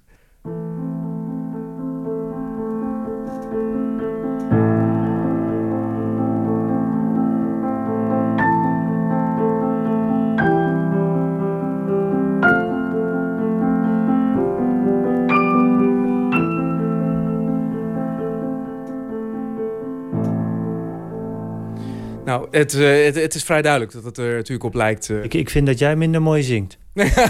ja, ja, die mooie zangster moet je er mij maar bij denken. Ik ben uh, niet gezegend met zo'n mooie stem. maar, maar de invloed is duidelijk. En jij zegt eigenlijk, Adele die, die heeft het niet zelf gemaakt. Die, die jat dit gewoon van Philip Glass uit de, uit de vorige eeuw. Nou, het is, uh, het is de vraag. Het, ik denk wel dat het zo is dat, uh, dat dit soort mensen die, die stukken wel eens gehoord hebben. En misschien in een ver weg bewustzijn, onderbewustzijn dat het meespeelt. En dan op zo'n nummer komen. Ja, dat de muziek heeft zich zo ontwikkeld. En die ja. onnavolgbare muziek die jij af en toe speelt, of die jij voornamelijk speelt als uh, overal ter wereld, ja. van, van China tot aan uh, de VS is het geloof ik. Um, ja, die, is, ja, die zie je terug in de popmuziek. Ja. Heb je nog zo'n voorbeeld? Ja, um, ik heb nog zo'n voorbeeld. Um, Ook op YouTube. Dat is Formidable, van een Franse, Franse zanger. Belgisch. Oh, is het oké? Okay, nou, ja, ja, Belgisch. Dan ja, gaat mijn, Stromae. Even kijken. Um, dan moet ik het eventjes vinden. ja, hier is hij. Daar komt een ritme in voor. Op een gegeven moment, na, uh, na 1 minuut 10 of zo. En uh, dat deed Debussy al uh, in 19, nou, rond 1915. Dat is ongelooflijk. Formidable.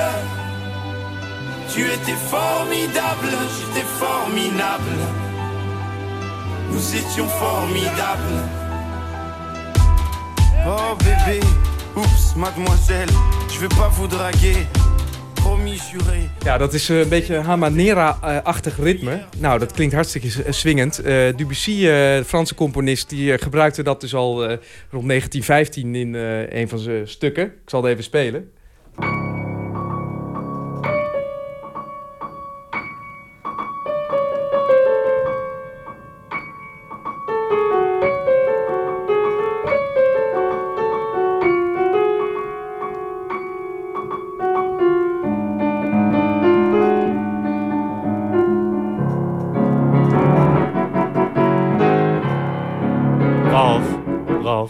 Waar, zit de vergelijking nou? Ja, ik zal hem nog even laten horen. Dus je hebt hier het rit. Tam, tam, tam, tam, tam, pam, pam, pam. Dan speel ik even mijn stukje erboven. Dus... Uh...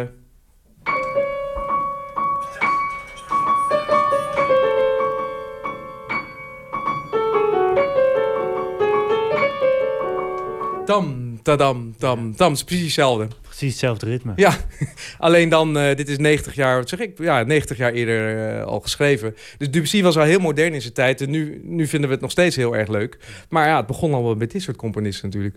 En als jij mag kiezen, dan kies jij niet voor Stromae, die Belg, maar dan kies jij voor... Ja, toch voor mij Debussy.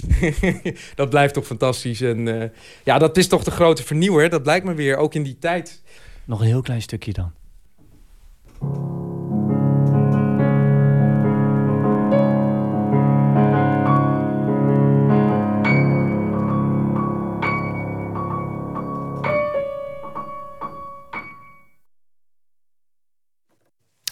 Formidabele was dat. Ralf van Raad, de pianist, in gesprek met Floris Albers. Dit was het eerste uur van Nooit meer slapen. Zometeen zijn we terug met schrijver Jamal Uriachi. En uh, we hebben ook uh, Anouk Rivioen, uh, de kunstenares. En we hebben ook Christine Otten, schrijver en journalist. En Anton Doutsenberg. Tot zometeen.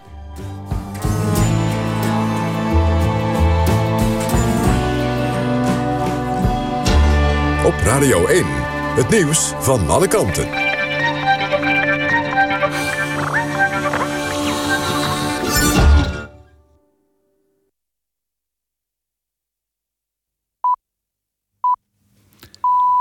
1 uur, Ewout de Jong met het NOS-journaal. PvdA-minister Ascher heeft opnieuw felle kritiek geuit... op de samenwerking tussen de PVV en het Franse Front National. Ascher werd bij een Kamerdebat gevraagd wat hij vond van een foto... waarop Front National-oprichter Jean-Marie Le Pen een quenelle maakt. Een soort moderne variant op de Hitlergroet. De PVV heeft niets met antisemitisme, maar wel met antisemieten... zei Asscher tegen PVV-kamerlid van Klaveren. Die wierp tegen dat Le Pen's dochter, de huidige partijleider van het Front National... afstand heeft genomen van de actie van haar vader. Winkelketen De Hema heeft een diabetespatiënt die voor een junk werd aangezien excuses aangeboden. De 17-jarige diabetespatiënt had tijdens het winkelen insuline nodig en trok zich terug in een pashokje. Bij het spuiten verloor ze wat urine. Beveiligers van de Hema dachten dat de vrouw een plassende junk was en alarmeerden de politie. Het meisje werd opgepakt voor vernieling en zat een paar uur vast. Directeur van Zetten zegt dat de Hema mensen altijd respectvol wil behandelen. De Turkse regering heeft twintig officieren van justitie overgeplaatst van Istanbul naar de provincie, melden Turkse media. Het is een volgende stap in het langdurige conflict tussen premier Erdogan en politie en justitie. Volgens Erdogan smeden politie en het gerechtelijk apparaat een complot om de regering af te zetten. De ruzie kwam half december naar buiten toen de politie drie zoons arresteerde van ministers van Erdogans AK-partij op verdenking van fraude. En Erdogan ontsloeg daarop de politiechef van Istanbul. Bij de Duitse stad Koblenz is een straaljager van de Duitse luchtmacht neergestort. De twee piloten konden zich met hun schietstoel in veiligheid brengen. Ze raakten bij de landing licht gewond. De tornado kwam naast een snelweg terecht. Die is afgesloten omdat er wrakstukken op de weg terecht zijn gekomen. Het weer, de komende uren overal droog met opklaringen en minima rond 5 graden. Overdag af en toe zon en tot de avond droog. Middagtemperatuur 8 tot 10 graden. En s'avonds weer kans op regen. Dit was het NOS Journaal. Radio 1. VPRO. Nooit meer slapen.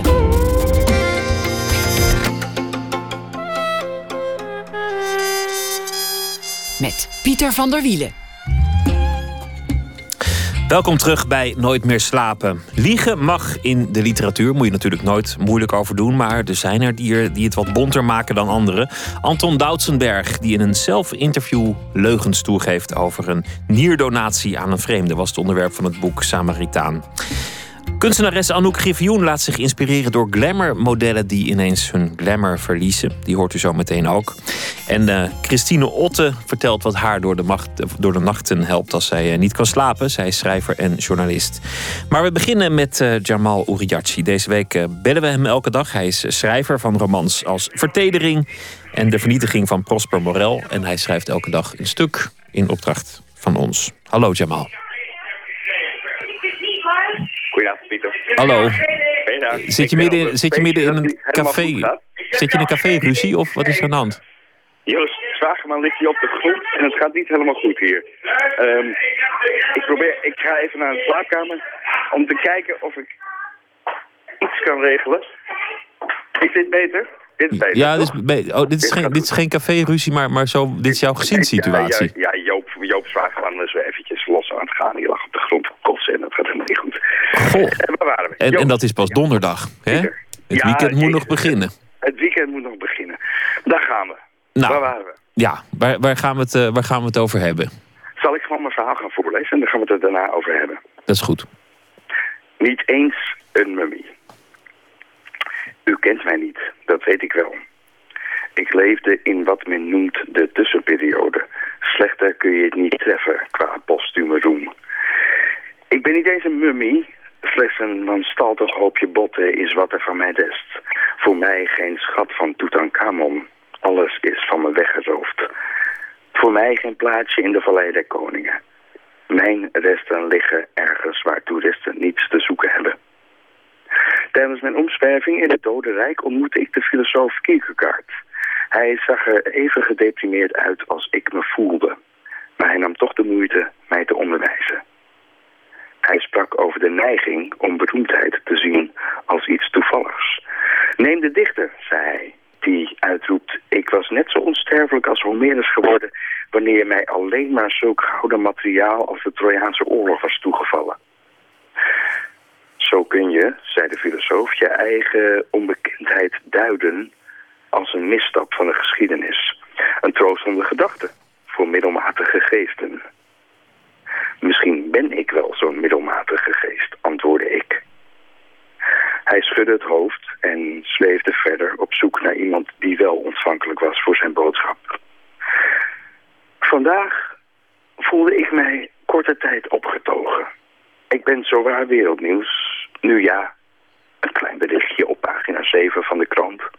Wie weet belanden mijn botten ooit nog eens in een museum, maar... En daar verwaait mijn vrolijkheid. Het zal hooguit zijn in zo'n achterafzaaltje... waar iedereen naar bezichtiging van de hoofdattracties snel doorheen loopt... op zoek naar de uitgang.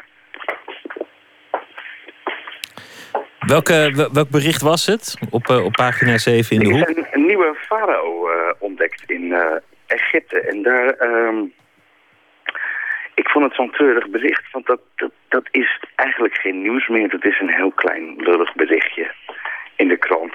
En dat, dat, dat doet helemaal niks meer. Dat is nooit meer wat het is geweest in de tijd, in de jaren twintig. Toen... Wacht even. Dan begint die, begint die echtelijke situatie weer. In de hoek. Ik, ik heb hier... Um, Wacht even. Dus wat zeg jij?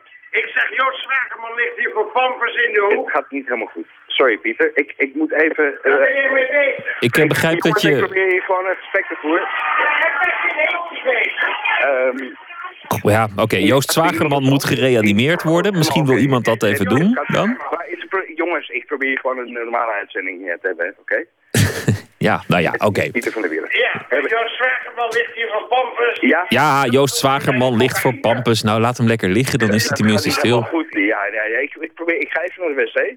Dan oh. krijgen we misschien nog uh, enige neutraliteit hier. Oké, okay, we hadden het, goed. Hey, Jamal, we hadden het over ja. uh, onsterfelijkheid. Jij zei ja, toch, toch sneu voor zo'n farao dat je botten worden gevonden en dat ze dan in een achterafzaal komen. Daartegenover staat dat onsterfelijkheid natuurlijk een illusie is. Ik bedoel, die, die farao die wordt tenminste nog gevonden na al die jaren. En hij is toch maar een mooi ja. farao geweest, dus waar hebben we het eigenlijk over? Ja. Intussen ben ik ook wel een beetje nieuwsgierig, maar dat valt misschien buiten de rijkwijde van deze rubriek, naar jouw huiselijke situatie het gaat helemaal mis hier, Pieter. Ik, uh, ik probeer hier David Tefko, de schrijver, de deur uit te werken.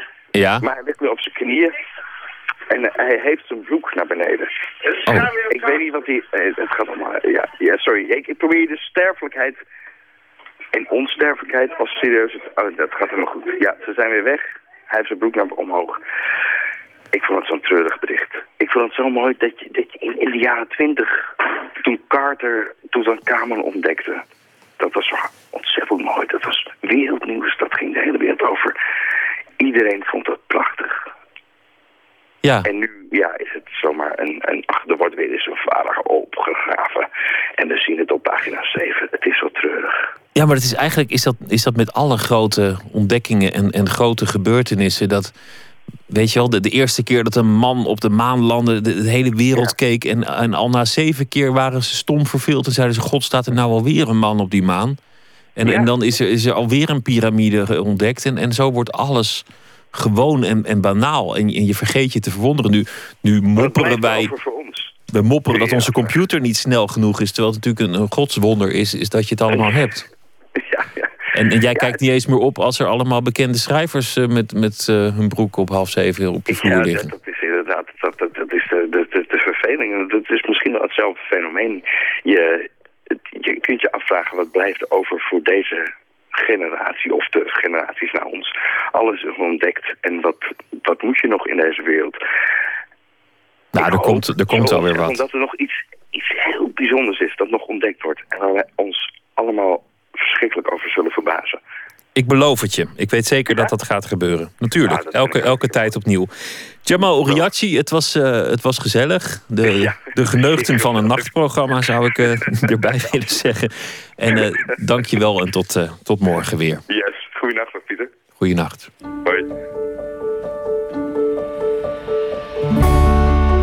You got to let yourself go. You got to yourself go.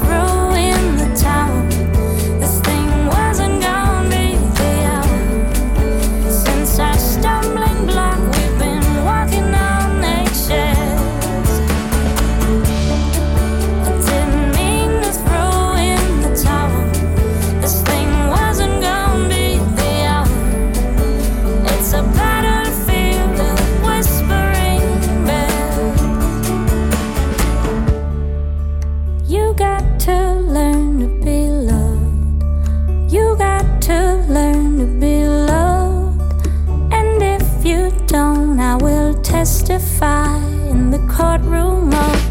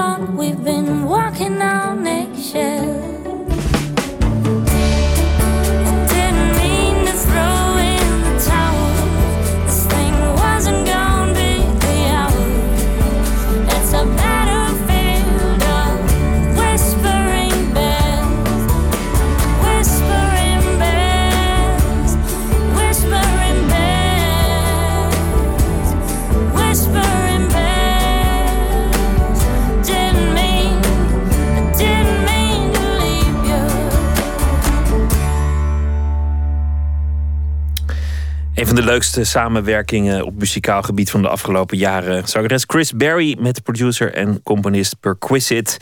Allebei eh, solo succesvol, maar op Love Struck Puzzles deden ze het samen. En dit nummer heette Let Go.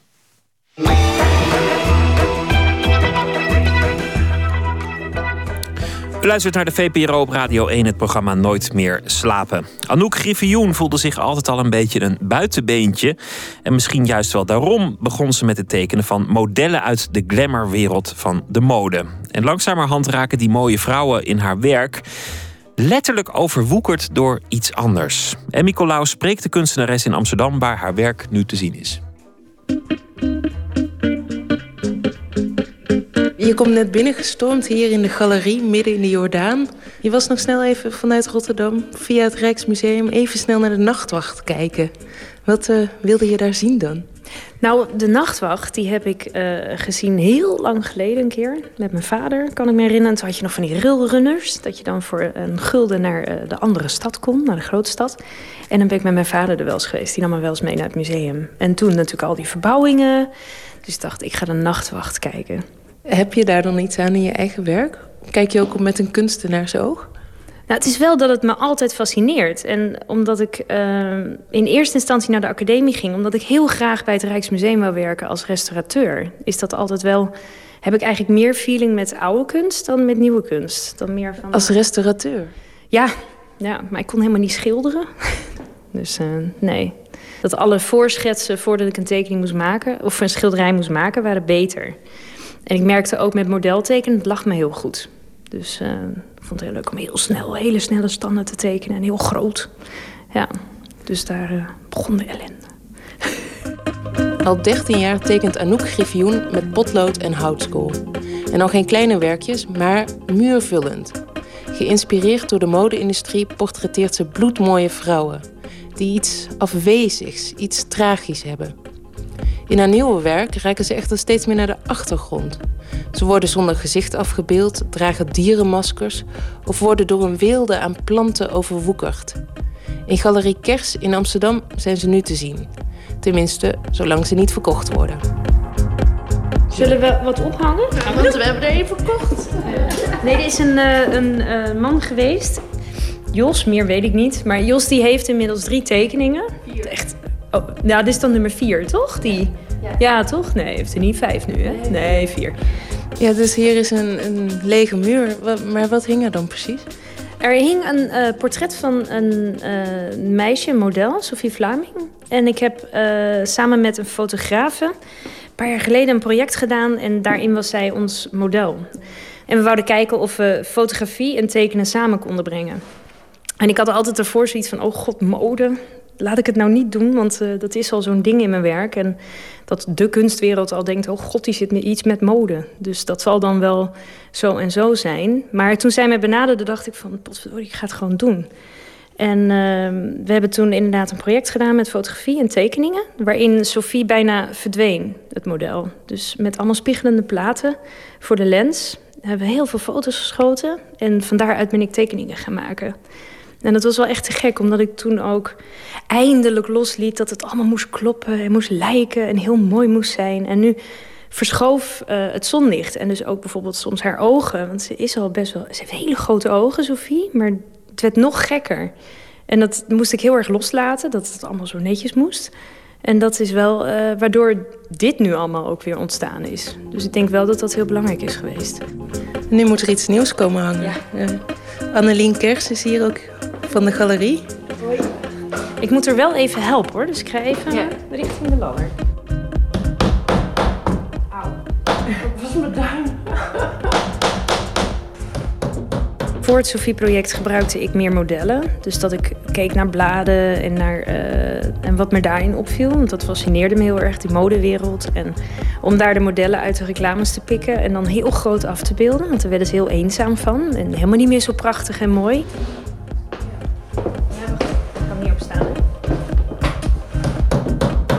Ja, ik kwam ook in de grote stad wonen en dan zag je al die meiden op die academie. En dan liep ik maar een beetje en ik was niet zo. En je was toch altijd een beetje een vreemde eend. En dan zocht je een beetje naar... Uh, dan kocht je ook iets in zo'n modezaak hier in Rotterdam. Oh, Rotterdam thuis.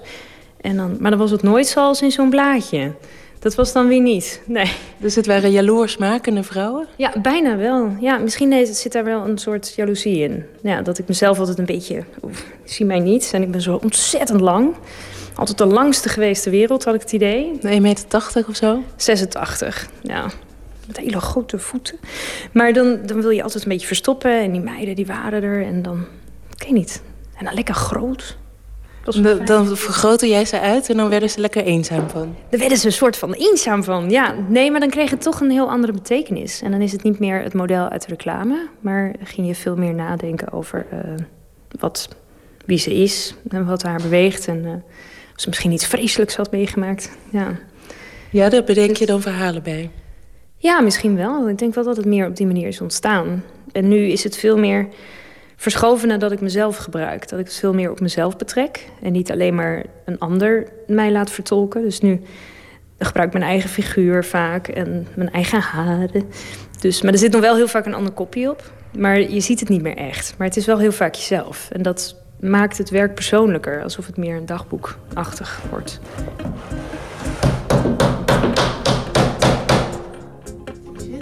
Er gaat gewoon een spijker doorheen. Vind je dat niet uh, vervelend? Oh nee, absoluut niet. Nee, er zit een, um, een stukje... Oh, wacht even. Even recht hangen. Oeh.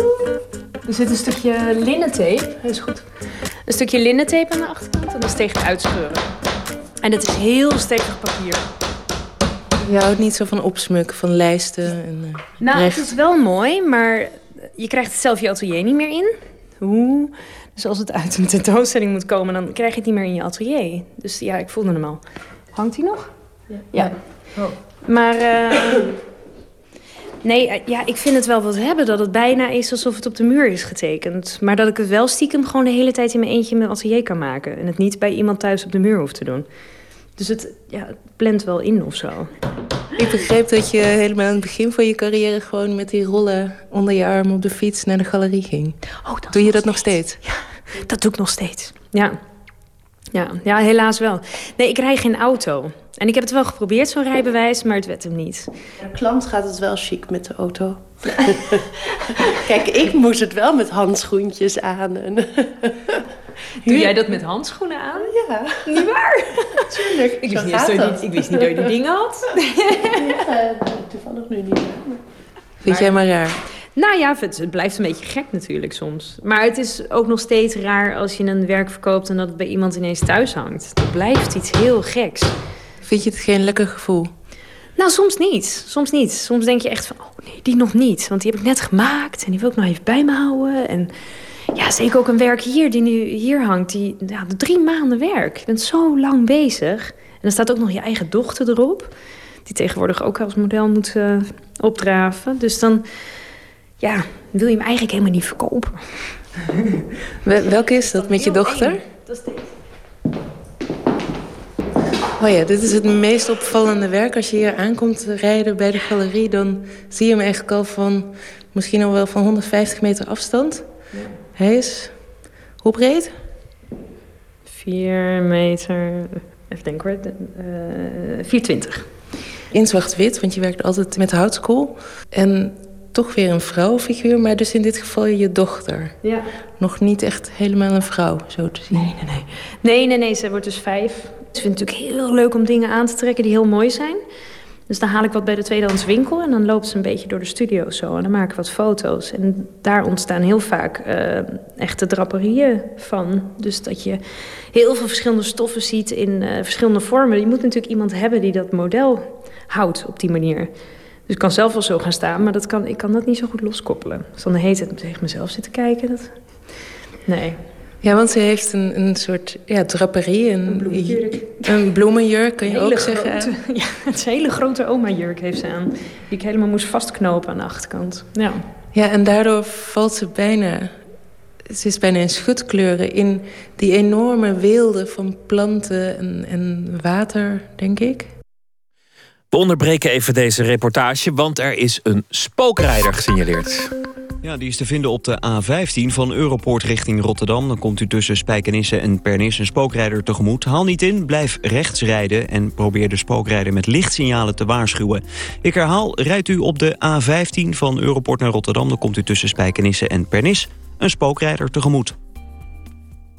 We gaan terug naar eh, het atelier van Anouk Rivioen... in gesprek met Emmy Colau. ja, dat is eigenlijk een soort open plek op de Veluwe. Ik ging eh, vaak oppassen bij een eh, vriendin van mij... die woont op de Veluwe in eh, Voorthuizen. En zij heeft een hond en 3 miljoen katten. En ik ging dan met mijn hond daar naartoe... en dan ging ik een week op de hond passen. En dan ging, maar ik verdwaalde altijd daar. Dus dan liep ik het bos in en dan was ik altijd de weg kwijt. Maar ik heb daar heel veel foto's gemaakt. En pas nu komen al die foto's weer van pas. En komen die terug van, hoe was dat ook alweer? Die plantenwereld, die heeft eigenlijk pas, ik denk een jaar geleden zijn intrede gedaan. Ja, ja, ik denk het wel. Nou, inmiddels volgens mij nu twee jaar zo'n beetje. Maar het was voor mij een manier om, ehm, los te komen uit die witte vellen en die witte achtergronden. Dus we hadden bij Sophie, bij het project, al wel ehm, ook in de natuur gestaan met Sophie. En toen kwam het al een beetje opzetten. Maar ben, daarna ben ik daar wel meer op voort gaan borduren. Om hele witte tekeningen tegenover meer gevulde tekeningen te maken. Ja, dit is heel erg gevuld. Ja, behoorlijk. Ja. En die, de, de plantenwereld die jij creëert, die, um, die overwoekert zelfs af en toe de figuren die je daarin afbeeldt. Dat is nogal een overgang eigenlijk, hè? Van die hele grote vrouwengezichten naar de werken die hier nu hangen, waar nog steeds vrouwen in afgebeeld worden. Maar wat heel opvallend is, je ziet nergens meer hun gezicht. Ze zijn ofwel afgewend of overwoekerd. Hoe beeld je toch, want er zit toch heel veel gevoel in. Maar dat is allemaal buiten die figuur geplaatst nu.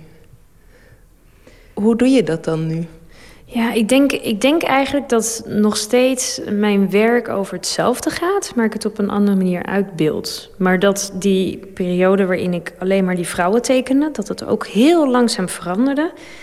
In dat de vrouwen bijvoorbeeld helemaal geen haren meer hadden, maar alleen nog een vliegend hoofd waren. En toen kwam dan Sophie, waarin het allemaal begon te verdwijnen. Dat je eigenlijk uh, ook met die hele grote tekeningen, met die uh, hoofden erop, de allerbeste, vind ik ook nog steeds dat het net is alsof ze er niet zijn.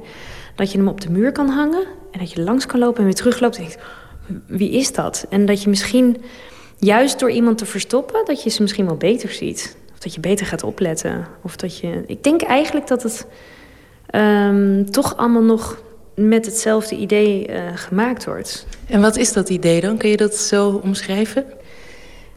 Um, ja, mijn, ik denk dat mijn werk gaat heel erg over schoonheid. En um, over het verbergen daarvan. Of andere dingen zien dan misschien je in eerste instantie opvallen. Maar ook dat ik heel vaak een ander mooier vind. Dus degene die dan naast mij staat op een foto ziet er altijd mooier uit. En ik weet niet hoe ik het voor elkaar krijg. Maar het is altijd raak. Dat ik denk, ach Anouk, die neus. Maar dat het... En ik denk dat dat um, wel een ding is wat mij... Uh, wat echt mijn werk ook bepaalt. Dat je altijd maar bezig bent met um, hoe je jezelf uitdraagt of zo. En ik, dat ligt ook wel een beetje in, uh, in vroeger, denk ik. Ik had mijn, mijn, uh, mijn moeder is niet helemaal in orde. Die, die is manisch depressief. Maar we hadden, ik zag heel veel foto's van vroeger... dat mijn moeder altijd heel veel afstand van mij nam. En dat vond ik eigenlijk zo gek. Maar ze had gewoon zo'n postnatale depressie wat je niemand wenst. En zij kon dus niet zo goed contact zoeken. En dat is nog steeds niet. Wordt eigenlijk alleen maar erger, vind ik.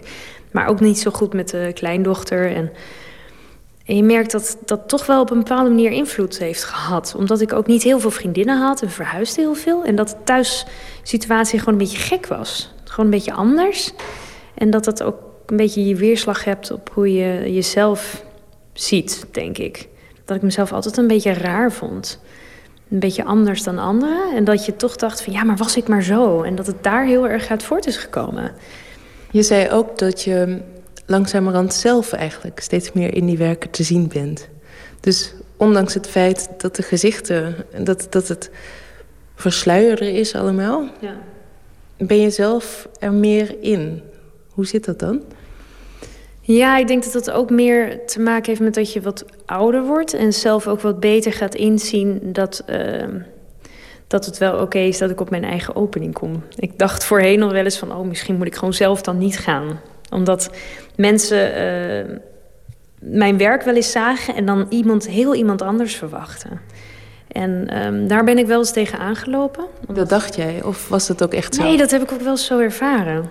En dat was dan heel gek. En dat je een soort van hele gekke, ongemakkelijke situatie. En ik ben ook gewoon een beetje, ja, ik weet niet, een beetje jolig of zo. Ik praat een beetje hard soms. En uh, ja, dus mensen verwachten het niet zo snel. Die verwachten toch een wat uitgesprokener, hipper type. En dat ben ik niet zo heel erg. Maar ik heb nu wel het idee dat ik um, zo na tien jaar dat je jezelf wel kan gebruiken. En dat je, dat je wel gezien mag worden. Dat het goed is of zo. Weet je, die kunstwereld, dat is natuurlijk ook maar een beetje relatief eigenlijk. Maar ik heb daar heel lang in willen horen. Ja, waarom eigenlijk? Het is toch vreselijk eigenlijk? Ja, eigenlijk is het natuurlijk gewoon verschrikkelijk. Maar je wil, ja, ik, weet je, dan loop ik in het Stedelijk Museum en er hing nu een mooie tentoonstelling. Maar vraag me niet van wie, volgens mij is de naam nou Paulina. Ik heb zelfs het boek gekocht. Ik heb geen idee. Maar, en dan denk ik, ja, maar ik had dit ook kunnen doen. Maar dan zie ik wel eh, waarom ehm, zij wel in het museum terechtkomt. Ik zie ook wel, zij uh, treedt ook buiten het platte vlak en maakt installaties en dingen die ik wel vaak denk, maar niet doe omdat ik toch dat niet zo goed durf nog. Maar dat komt wel. Komt wel.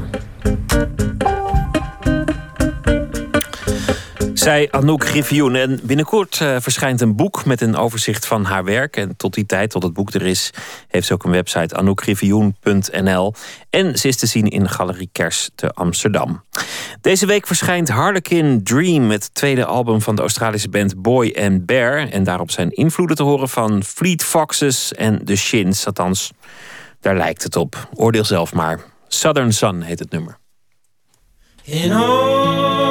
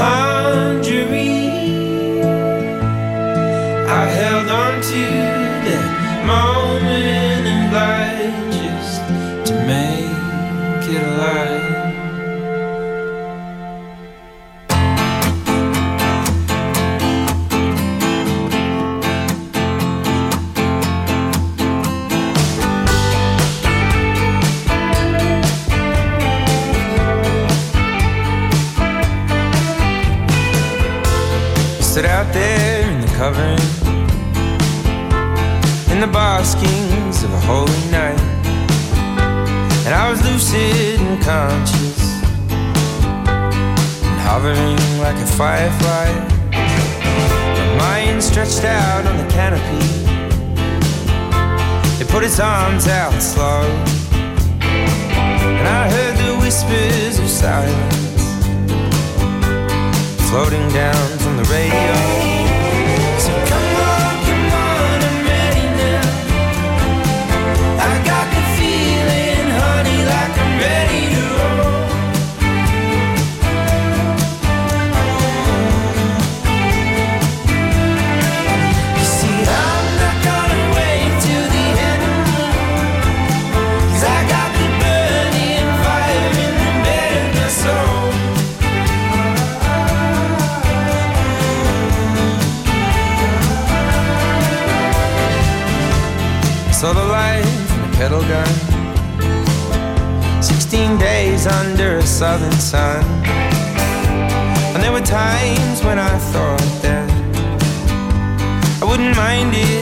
my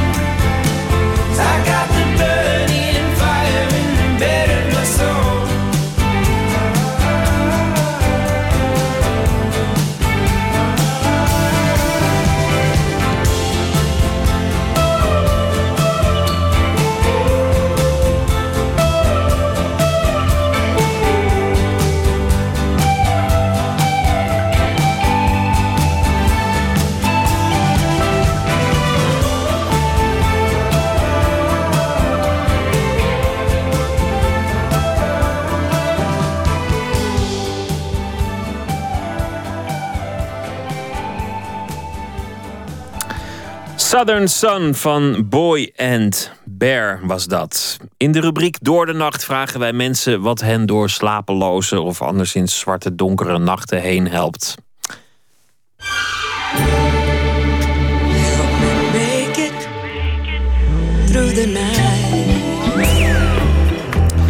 En vannacht vragen we dat aan schrijfster en journaliste Christine Otte.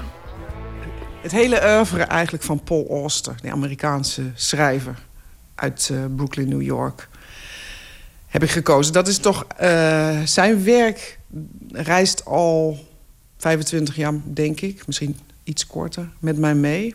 En eigenlijk altijd op belangrijke momenten in mijn leven... of vooral momenten waarop het even, misschien even allemaal niet zo lekker gaat... dan grijp ik terug op zijn werk. Dan pak ik een boek uit de kast van hem en dat herlees ik. En uh, laatst nog, heel, ja, eigenlijk vrij kort geleden... Uh, dus ik lag net in bed, kwart voor twaalf. De telefoon ging... Ja. En uh, ik kreeg het bericht, dat, dat, dat treurige bericht... dat een hele goede vriend van mij uh, plotseling was overleden. Hartstilstand. Nou, ik was gewoon echt in shock. En ja, je moet toch gaan slapen zo'n nacht. En ik geloof dat het eerste wat ik deed was Moon Palace van uh, Paul Auster uit de kast halen. Maanpaleis heet het in het Nederlands.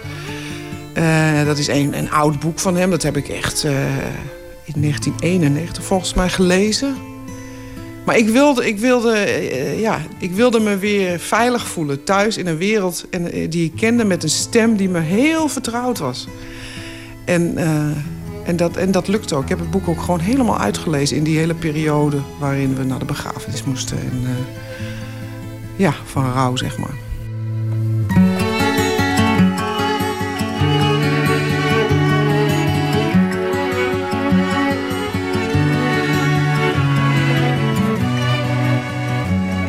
Auster is, is, is bijna een soort ver familielid bij me. Een grotere broer misschien wel. Iemand die me echt geïnspireerd heeft in mijn eigen werk. Hij, zijn stem is heel persoonlijk. Hij is altijd heel dichtbij. Al zijn karakters, al zijn personages zit hij heel dicht op de huid. En daarom is het ook net alsof hij je hoogst persoonlijk het verhaal vertelt. Al zijn boeken zijn ook bijna in eenzelfde soort stijl. En bij ieder andere schrijver zou ik dat echt een zwakte vinden. Want ja, ik denk altijd luister naar je materiaal, luister naar je karakters en dat bepaalt de stemmen. Maar bij Ooster wil ik altijd dat hij zoveel mogelijk zijn eigen stem heeft. Gek genoeg. Om, om, omdat ik van zijn stem hou en dat blijkbaar nodig heb.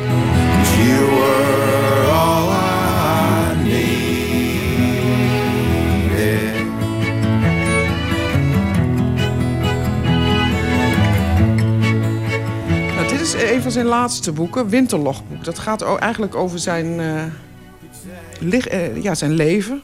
Over de, hij is dan 64 en hij, hij, hij begint eigenlijk op een dag gewoon te schrijven. En een boek over zijn eigen leven. En dat gaat vooral de, de tijd dat hij... Ja, over hoe, zijn eigen lichaam. hij, hij, hij heeft al die jaren in zijn lichaam geleefd. Nou, dat begint zo. Je denkt dat het jou nooit zal gebeuren. Dat het jou niet kan gebeuren. Dat jij de enige op de wereld bent die geen van deze dingen ooit zal gebeuren. En dan beginnen ze je, één voor één, allemaal te gebeuren. Net zoals ze ieder ander gebeuren. Nou dat, dat, ik weet niet of dat wat zegt. Het is een boek in de je-vorm. Zou je ook denken raar, maar dat werkt absoluut.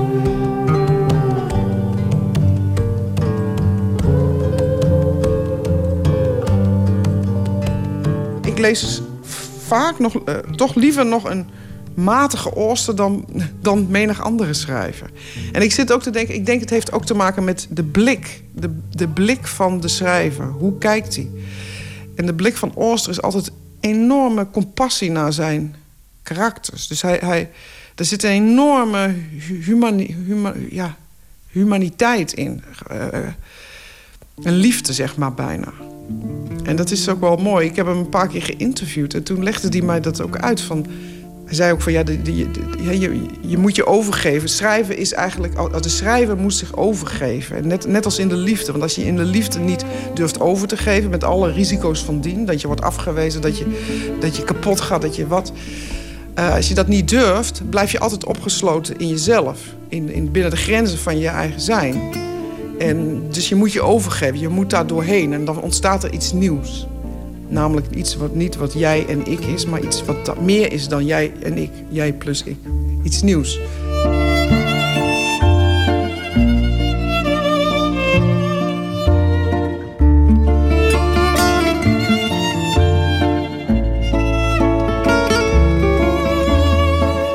En dat is, dat, dat, dat, zo schrijft hij ook.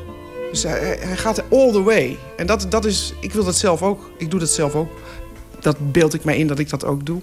Dus qua, qua filosofie, schrijffilosofie, zeg maar. Ik denk, dat staat hij heel dicht bij me. En daardoor kan ik hem ook zien als, eh, als een, ja, een grote broer die mij inspireert, zeg maar. hij is ook een stuk ouder dan ik. Dat vind ik ook fijn, dat, hij, dat hij ouder is. Dus dat, dan, dan, dan kan je er ook aan, een soort aan optrekken soms. Dat is, dat, dat is dan heel legitiem. En dat, ik denk dat ik dat ook wel doe.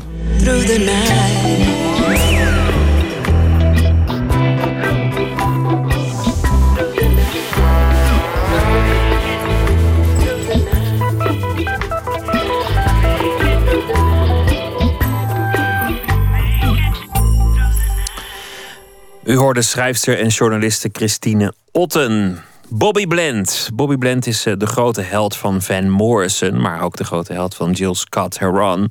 En uh, één nummer van hem, nou, het zijn meerdere nummers die heel vaak door anderen zijn uitgevoerd, maar uh, eentje die gaan we nu draaien. En dat is I'll Take Care of You uit 1959.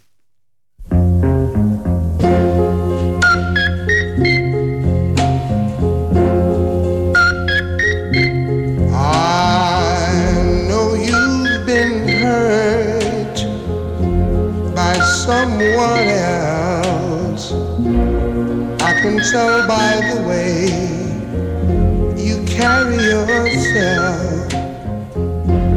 But if you let me, here's what I'll do. I'll take care of you. I, I love and lost same as you. So you see, I know just what you've been through. But if you let me, here's what I'll do. Oh, I just got to take care of you. You won't ever have to worry. Won't ever have to cry. For I'll be there beside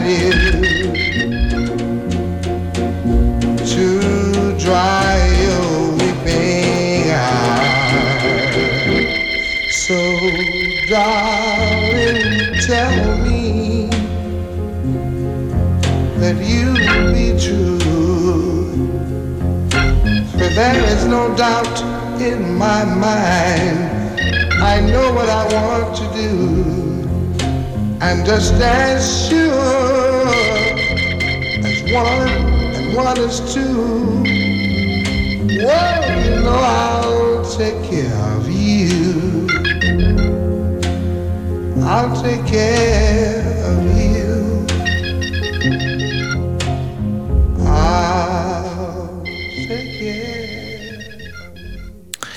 I'll Take Care of You uit 1959 van de blues- en soulzanger Bobby Blend, die vorig jaar is overleden.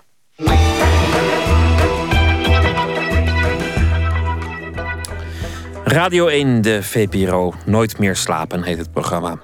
Anton Doutsenberg weet altijd wel de gemoederen bezig te houden en de boel op te schudden. Hij is econoom, maar ook schrijver. Bekend van boeken als Extra Tijd en Samaritaan. En over dat laatste boek moeten we het nog even hebben, want daarin uh, gaat het over zijn spontane nierdonatie aan een onbekende. En met dat boek brak hij door bij het grote publiek. In zijn nieuwe bundel, en dan komen de foto's, onthult Doutsenberg in een zelfinterview dat het allemaal gelogen was. Doutsenberg zelf accordeert. Dat wil zeggen, hij keurt nooit interviews goed vanwege de feiten. Hij checkt de feiten niet. En dat geldt ook voor dit gesprek met Nooit meer slapen. Terwijl onze verslaggever Maarten Westerveen de microfoon klaarzette, werd de schrijver daar alvast mee geconfronteerd door een bekend televisieprogramma. Het is een verhaal en uh, blijkbaar heeft iemand dat uh, uh, opgepakt als zijnde echt. Dus.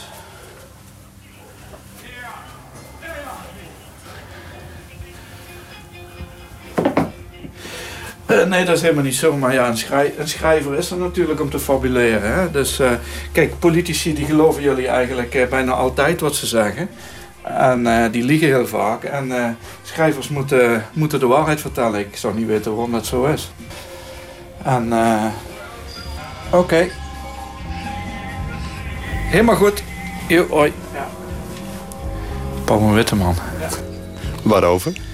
Ik heb hem een nieuwe bundel een verhaal geschreven. En in dat verhaal heb ik onderzocht wat ik zou schrijven als ik mezelf zou interviewen. En daar heb ik aangegeven dat ik dat heb verzonnen met die nier. En Pauw Witteman, en, dat, en die bellen nu van... je hebt ons toen belazerd. Zeiden ze toen, omdat ik toen met mijn boek Samaritaan met Pauw en Witteman was... over een nierdonatie. Uh, je hebt een boek geschreven. Dat boek heet Samaritaan. Samaritaan is een bijbelse verwijzing naar de barmhartige Samaritaan. Ja. Wat was de ingeving dat je dacht, weet je wat... ik ga ze een nier uit mijn lichaam laten halen voor een ander? Ah, op de eerste plaats had ik er een over. Want uh, met één nier kan je heel goed leven. Ja, en, maar, maar dat is een serieus gevoel wat je hebt, toch? Het was een gevoel wat ik had, maar het, het was ook een experiment. Ik, uh, ik, ik, ik vond het wel prettig om een keer een, een nieuw avontuur aan te gaan. Out of de comfortzone te stappen. Uh-huh. en uh, een nier te doneren. Ja, ik ga mijn verhalen niet uitleggen, toch? Het mooiste is, je hebt zelfs dit interview met jezelf niet eens geaccordeerd.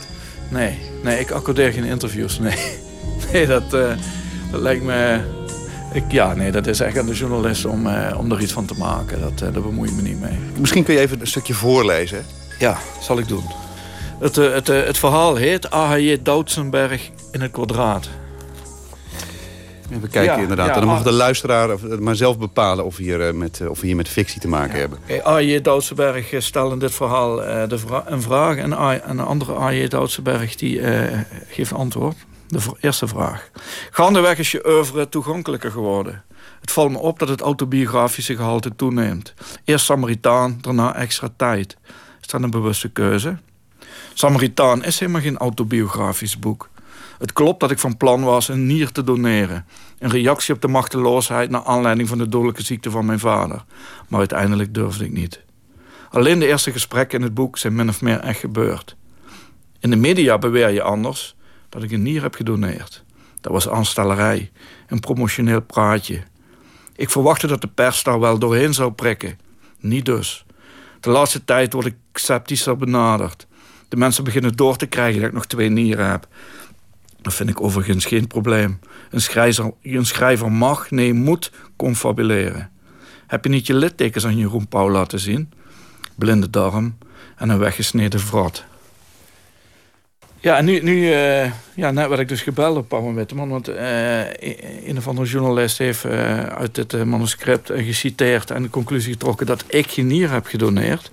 En nu zijn ze boos. Ik hoor je daar zo telefoneren.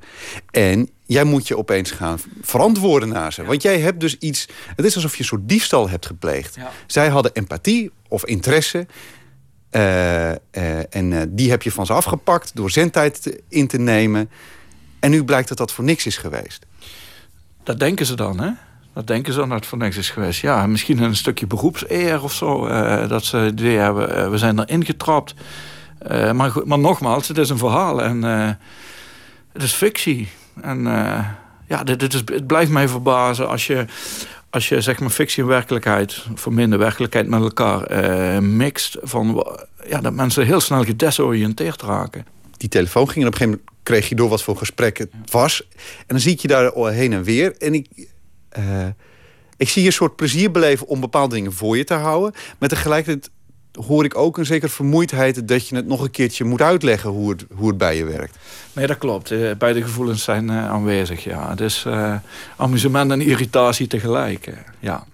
Ehm, het, het, het, het is... je zei het net al, die politici... Hè, van politici, die liegen de hele tijd. En daar laten we ze feitelijk mee wegkomen. Maar van schrijvers wordt het niet gepikt. Um, dat is eigenlijk misschien wel misschien is, zegt dat wel iets over de toch nog steeds comfortabele plek die schrijvers blijkbaar in dit land innemen. Of de comfortabele plek die politici innemen. Uh, dat, uh, dat ze gewoon onzin kunnen verkopen. En uh, daarna zeggen het was ver verkiezingsretoriek en dan komen ze ermee weg. En het geeft in ieder geval wel aan dat van schrijvers iets verwacht wordt. Een stukje duiding verwacht wordt. En op het moment dat ik, dat ik die duiding niet geef... maar dat ik eigenlijk verwarring creëer. Dat ik eigenlijk de vragen dat ik er geen antwoord op geef, maar dat ik de vragen eigenlijk uh, ja, nog ambiguur maak. Uh, dat vinden ze ongemakkelijk. Je boek zit vol met een bepaald soort um, enge mensen. Mensen die mogen sarren, mensen die mogen krabben, mensen die het ongemakkelijk maken. En je weet niet precies waarom ze zo zijn. Ja, ja, ja. En de vraag is dus, uh, is dat een soort alter ego dat je uitleeft... of is dat een fascinatie die je in andere mensen waarneemt? Ja, dat is waar. Ik doe wel be ik, bewust probeer ik niet te verklaren het gedrag van mijn personages. Dat, uh, dat, dat heb ik ook eh, in het leven zelf. Ik vind het veel interessanter om te zien wat mensen doen... dan dat ik daar het een en ander uit probeer te destilleren in psychologisch opzicht. Dat, uh, ja, vind ik minder interessant. Omdat, omdat je het dan voor je omdat je het dan voor jezelf te letterlijk maakt? Omdat het dan, omdat het dan een, te veel een optelsom wordt? Uh, nou, als schrijver, ik, ik vind dan dat ik het dicht maar voor een lezer. Uh, dat ik ga zeggen hoe het allemaal zit en hoe ik het allemaal bedoeld heb. Dat, dat vind ik niet fijn. Niet fijn om te doen, maar ik, ik, ik verplaats me dan ook in, in, in, in, hoe ik zelf als lezer reageer op boeken. Boeken waarin een schrijver te autoriaal aanwezig is, vind ik niet fijn. Ik, ik wil zelf ik wil zelf een rol hebben bij het uh, verklaren van een boek. Wat eh, heb je eigenlijk, nou, heb je een soort van lange termijn wensen? Is er iets waar je hoopt dat uiteindelijk, werk je ergens naartoe? Uh, nou, kijk, langer, ik, ik vind gewoon uh, lekker hoe ik nu bezig ben met schrijven. Ik, ik, ik, ik weet ook niet hoe zich dat ontwikkelt, mijn thema, mijn thematiek, mijn motieven. Dus ik, ik zou wel zien. Ik heb nu net een toneelstuk afgerond. Dat gaat in maart in première in Brussel heb ik geschreven voor uh, het huisgezelschap van de Rotterdamse Schouwburg, Wonderbaum. Samen met de Koninklijke Vlaamse Schouwburg in Brussel. Je kijkt nou alsof je me niet gelooft. Ja. nee, joh, ik geloof je best. Nee, ik, ik zit te ja. luisteren. En uh, ja, dat is, een, dat is een heel nieuw terrein voor mij. En uh, mijn tekst is heel goed ontvangen door, door het gezelschap. Ze zijn heel enthousiast. En dat vind ik fijn. Dat komt dan op redelijk niveau binnen in die theaterwereld. En ja, dat, eh, dat, vind ik wel, eh, die wereld gaat nu voor mij open en die wil ik ook wel gaan verkennen. Dat vind ik ook een spannende, een spannende vorm, toneel. Um, dat, dat, dat schurende, dat, dat, dat, dat, dat ongemakkelijke, dat lijkt dus, dat, dat staat dicht bij ironie. In de zin dat allebei ze je idee van de werkelijkheid doen kantelen. Kun je je voorstellen dat je, dat je nou ja, dat je die stijlmiddelen zou durven op te geven... en gewoon bij wijze van, bij wijze van spreken een vrolijk kinderboek zou kunnen schrijven? Ah, dat is dus wel een ultieme ironie. Dat natuurlijk een vrolijk kinderboek schrijven. Uh, ik, weet, ik, weet, ik durf het echt niet te zeggen. Het, is, uh, het zijn de stijlfiguren die mij op dit moment uh, heel erg helpen bij, bij, bij mijn thematiek. Het verkennen van hoe gaan mensen met werkelijkheid om. Hoe definiëren ze waarheid. Uh, ze botsen natuurlijk met elkaar. Allen hebben ze verschillende werkelijkheden. Je gaat consensus zoeken, et cetera. Uh, dus ik ben, ik ben er niet klaar hiermee. Uh, maar wellicht, ik, ik, ik ga me er niet geforceerd tegen afzetten of zo. Nou, het is namelijk ook een andere werkelijkheid. Mensen die om elkaar geven. Mensen die zomaar een nier doneren. omdat, ze, omdat ze benieuwd zijn wat dat met, zich doet, met, met, met ze doet. En daarmee toch een leven ook verbeteren. Dat bestaat ook, die wereld. Ja, en in die wereld functioneer ik ook. Ik heb natuurlijk laatst die Quiet 500 gemaakt. Uh, dat blad uh, waarin we op zoek gaan naar een manier om uh, stille armoede te bestrijden. En dat is heel succesvol gebleken. We hebben heel veel geld opgehaald. Een aantal miljonairs die nu mee zijn aan denken om, om deze problematiek aan te pakken. Dus ik, ik functioneer buiten het schrijven natuurlijk ook in een wereld waarin ik aanwezig ben. Waar ik ook lieve mensen tegenkom. En ik heb een lieve vriendin. En, maar ja, op het moment dat ik ga schrijven dan ja, dan vind ik dat minder interessant op dit moment. Ja. Is er een bepaald boek dat je in je hoofd hebt, maar dat je nog niet geschreven hebt, maar dat je wel, waarvan je wel vindt dat je het aan jezelf verplicht bent om het te schrijven op een bepaald moment? Nou, ik, ben, ik ben iets anders wat, wat ik misschien eh, verder wil onderzoeken. Eh, misschien heb ik wel een Messias-complex. En uh, ik, ik zeg dit enigszins ironisch, want ik word de laatste tijd best vaak uh, aangesproken als een soort Jezusfiguur die, het die, die, die mensen wil helpen. Die nier uh, doneren, opkomen voor die pedofielen, Diederik Stapel, en nu, voor, nu die armoede. Dus zeggen van, waarom wil je mensen toch allemaal helpen? Weet je? Dat, is, dat is weer die kant wat die je net beschreef. Hè? En, ja, misschien is er wel een Messias-complex wat, ik wat ik eens moet gaan onderzoeken. Dat, ja, dat ik straks misschien eindig aan een kruis. Dus wacht even, betekent het dat al jouw schrijven eigenlijk een soort afreageren van je kwade kanten is? Dat de echte Doutsenberg eigenlijk een hele lieve jongen is, maar dat, dat alles wat, wat in het hoofd dan toch zit te, te, te kriebelen, dat dat toch maar op papier moet, zodat het daar maar terecht komt. Ja, dan moet gecamoufleerd worden of zo, die, uh, die menslievendheid.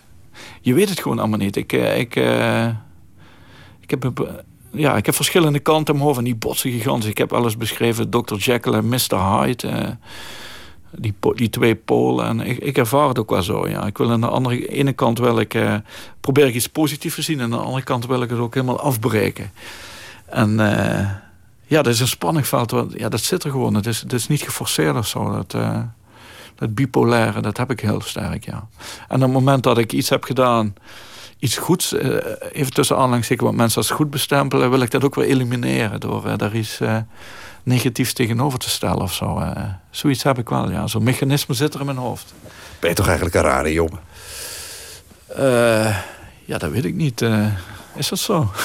nou ja, als je iets moois doet... Ik zeg niet dat je erop moet teren. Maar daar hoef je je toch ook niet voor te schamen? Uh, nee, maar schaamte zit, dat zit wel ook in mijn karakter. Ja, dus, uh, dus die verlegenheid die, die, blijft, die blijft er zitten, waardoor ik dan ja, als ik zo'n nier eh, doneer, moet ik het daarna gaan ironiseren. Dat, is, dat, dat zit continu in mij. Dat, ja, dat is lastig, dat is lastig. Ja, terwijl ik gewoon als een goed mens zo leven zou kunnen gaan naar zo'n daad. Maar dat lukt me niet. En misschien op termijn. misschien.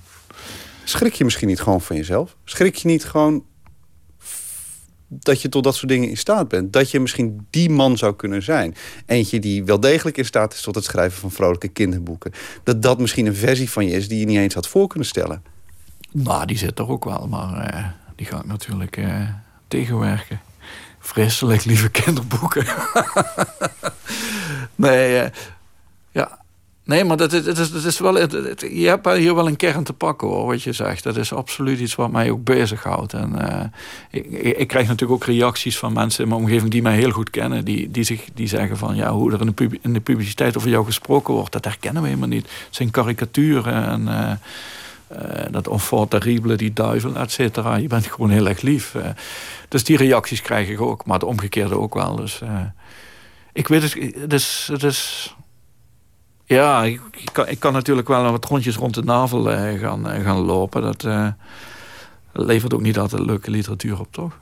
Ik denk dat als je die, als je die spanning niet zou ervaren... dan zouden je boeken waarschijnlijk ook niet die spanning hebben. Ik denk dat, je, dat er, er staat voor je, iets voor je op het spel. En dat lees je als lezer. Ja, dat is fijn om te horen. Want ja, dat is heel fijn. Want dat is precies het spanningsveld wat ik ervaar als ik schrijf. En, en dat is ook het spannendste wat ik ervaar als ik, eh, als ik over straat loop en om me heen kijk. Absoluut. Dankjewel. Ja, joh.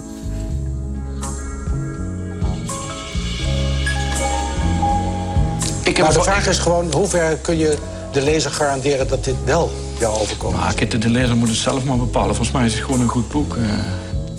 En uh, het, het maakt volgens mij helemaal niet uit of het echt waar is.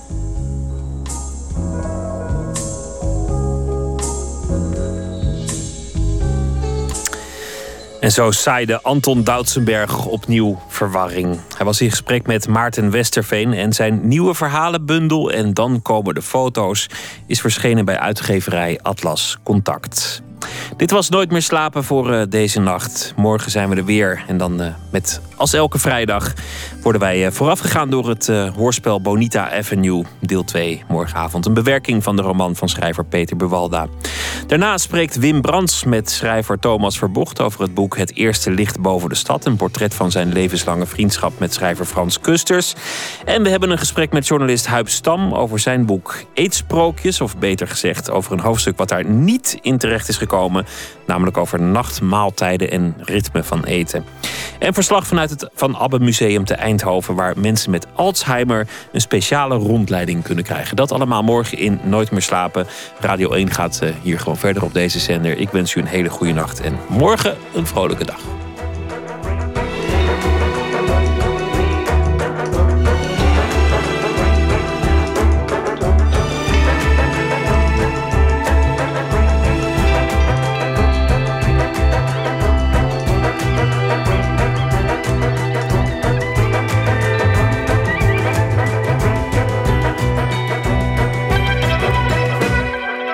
Radio 1, het nieuws van alle kanten.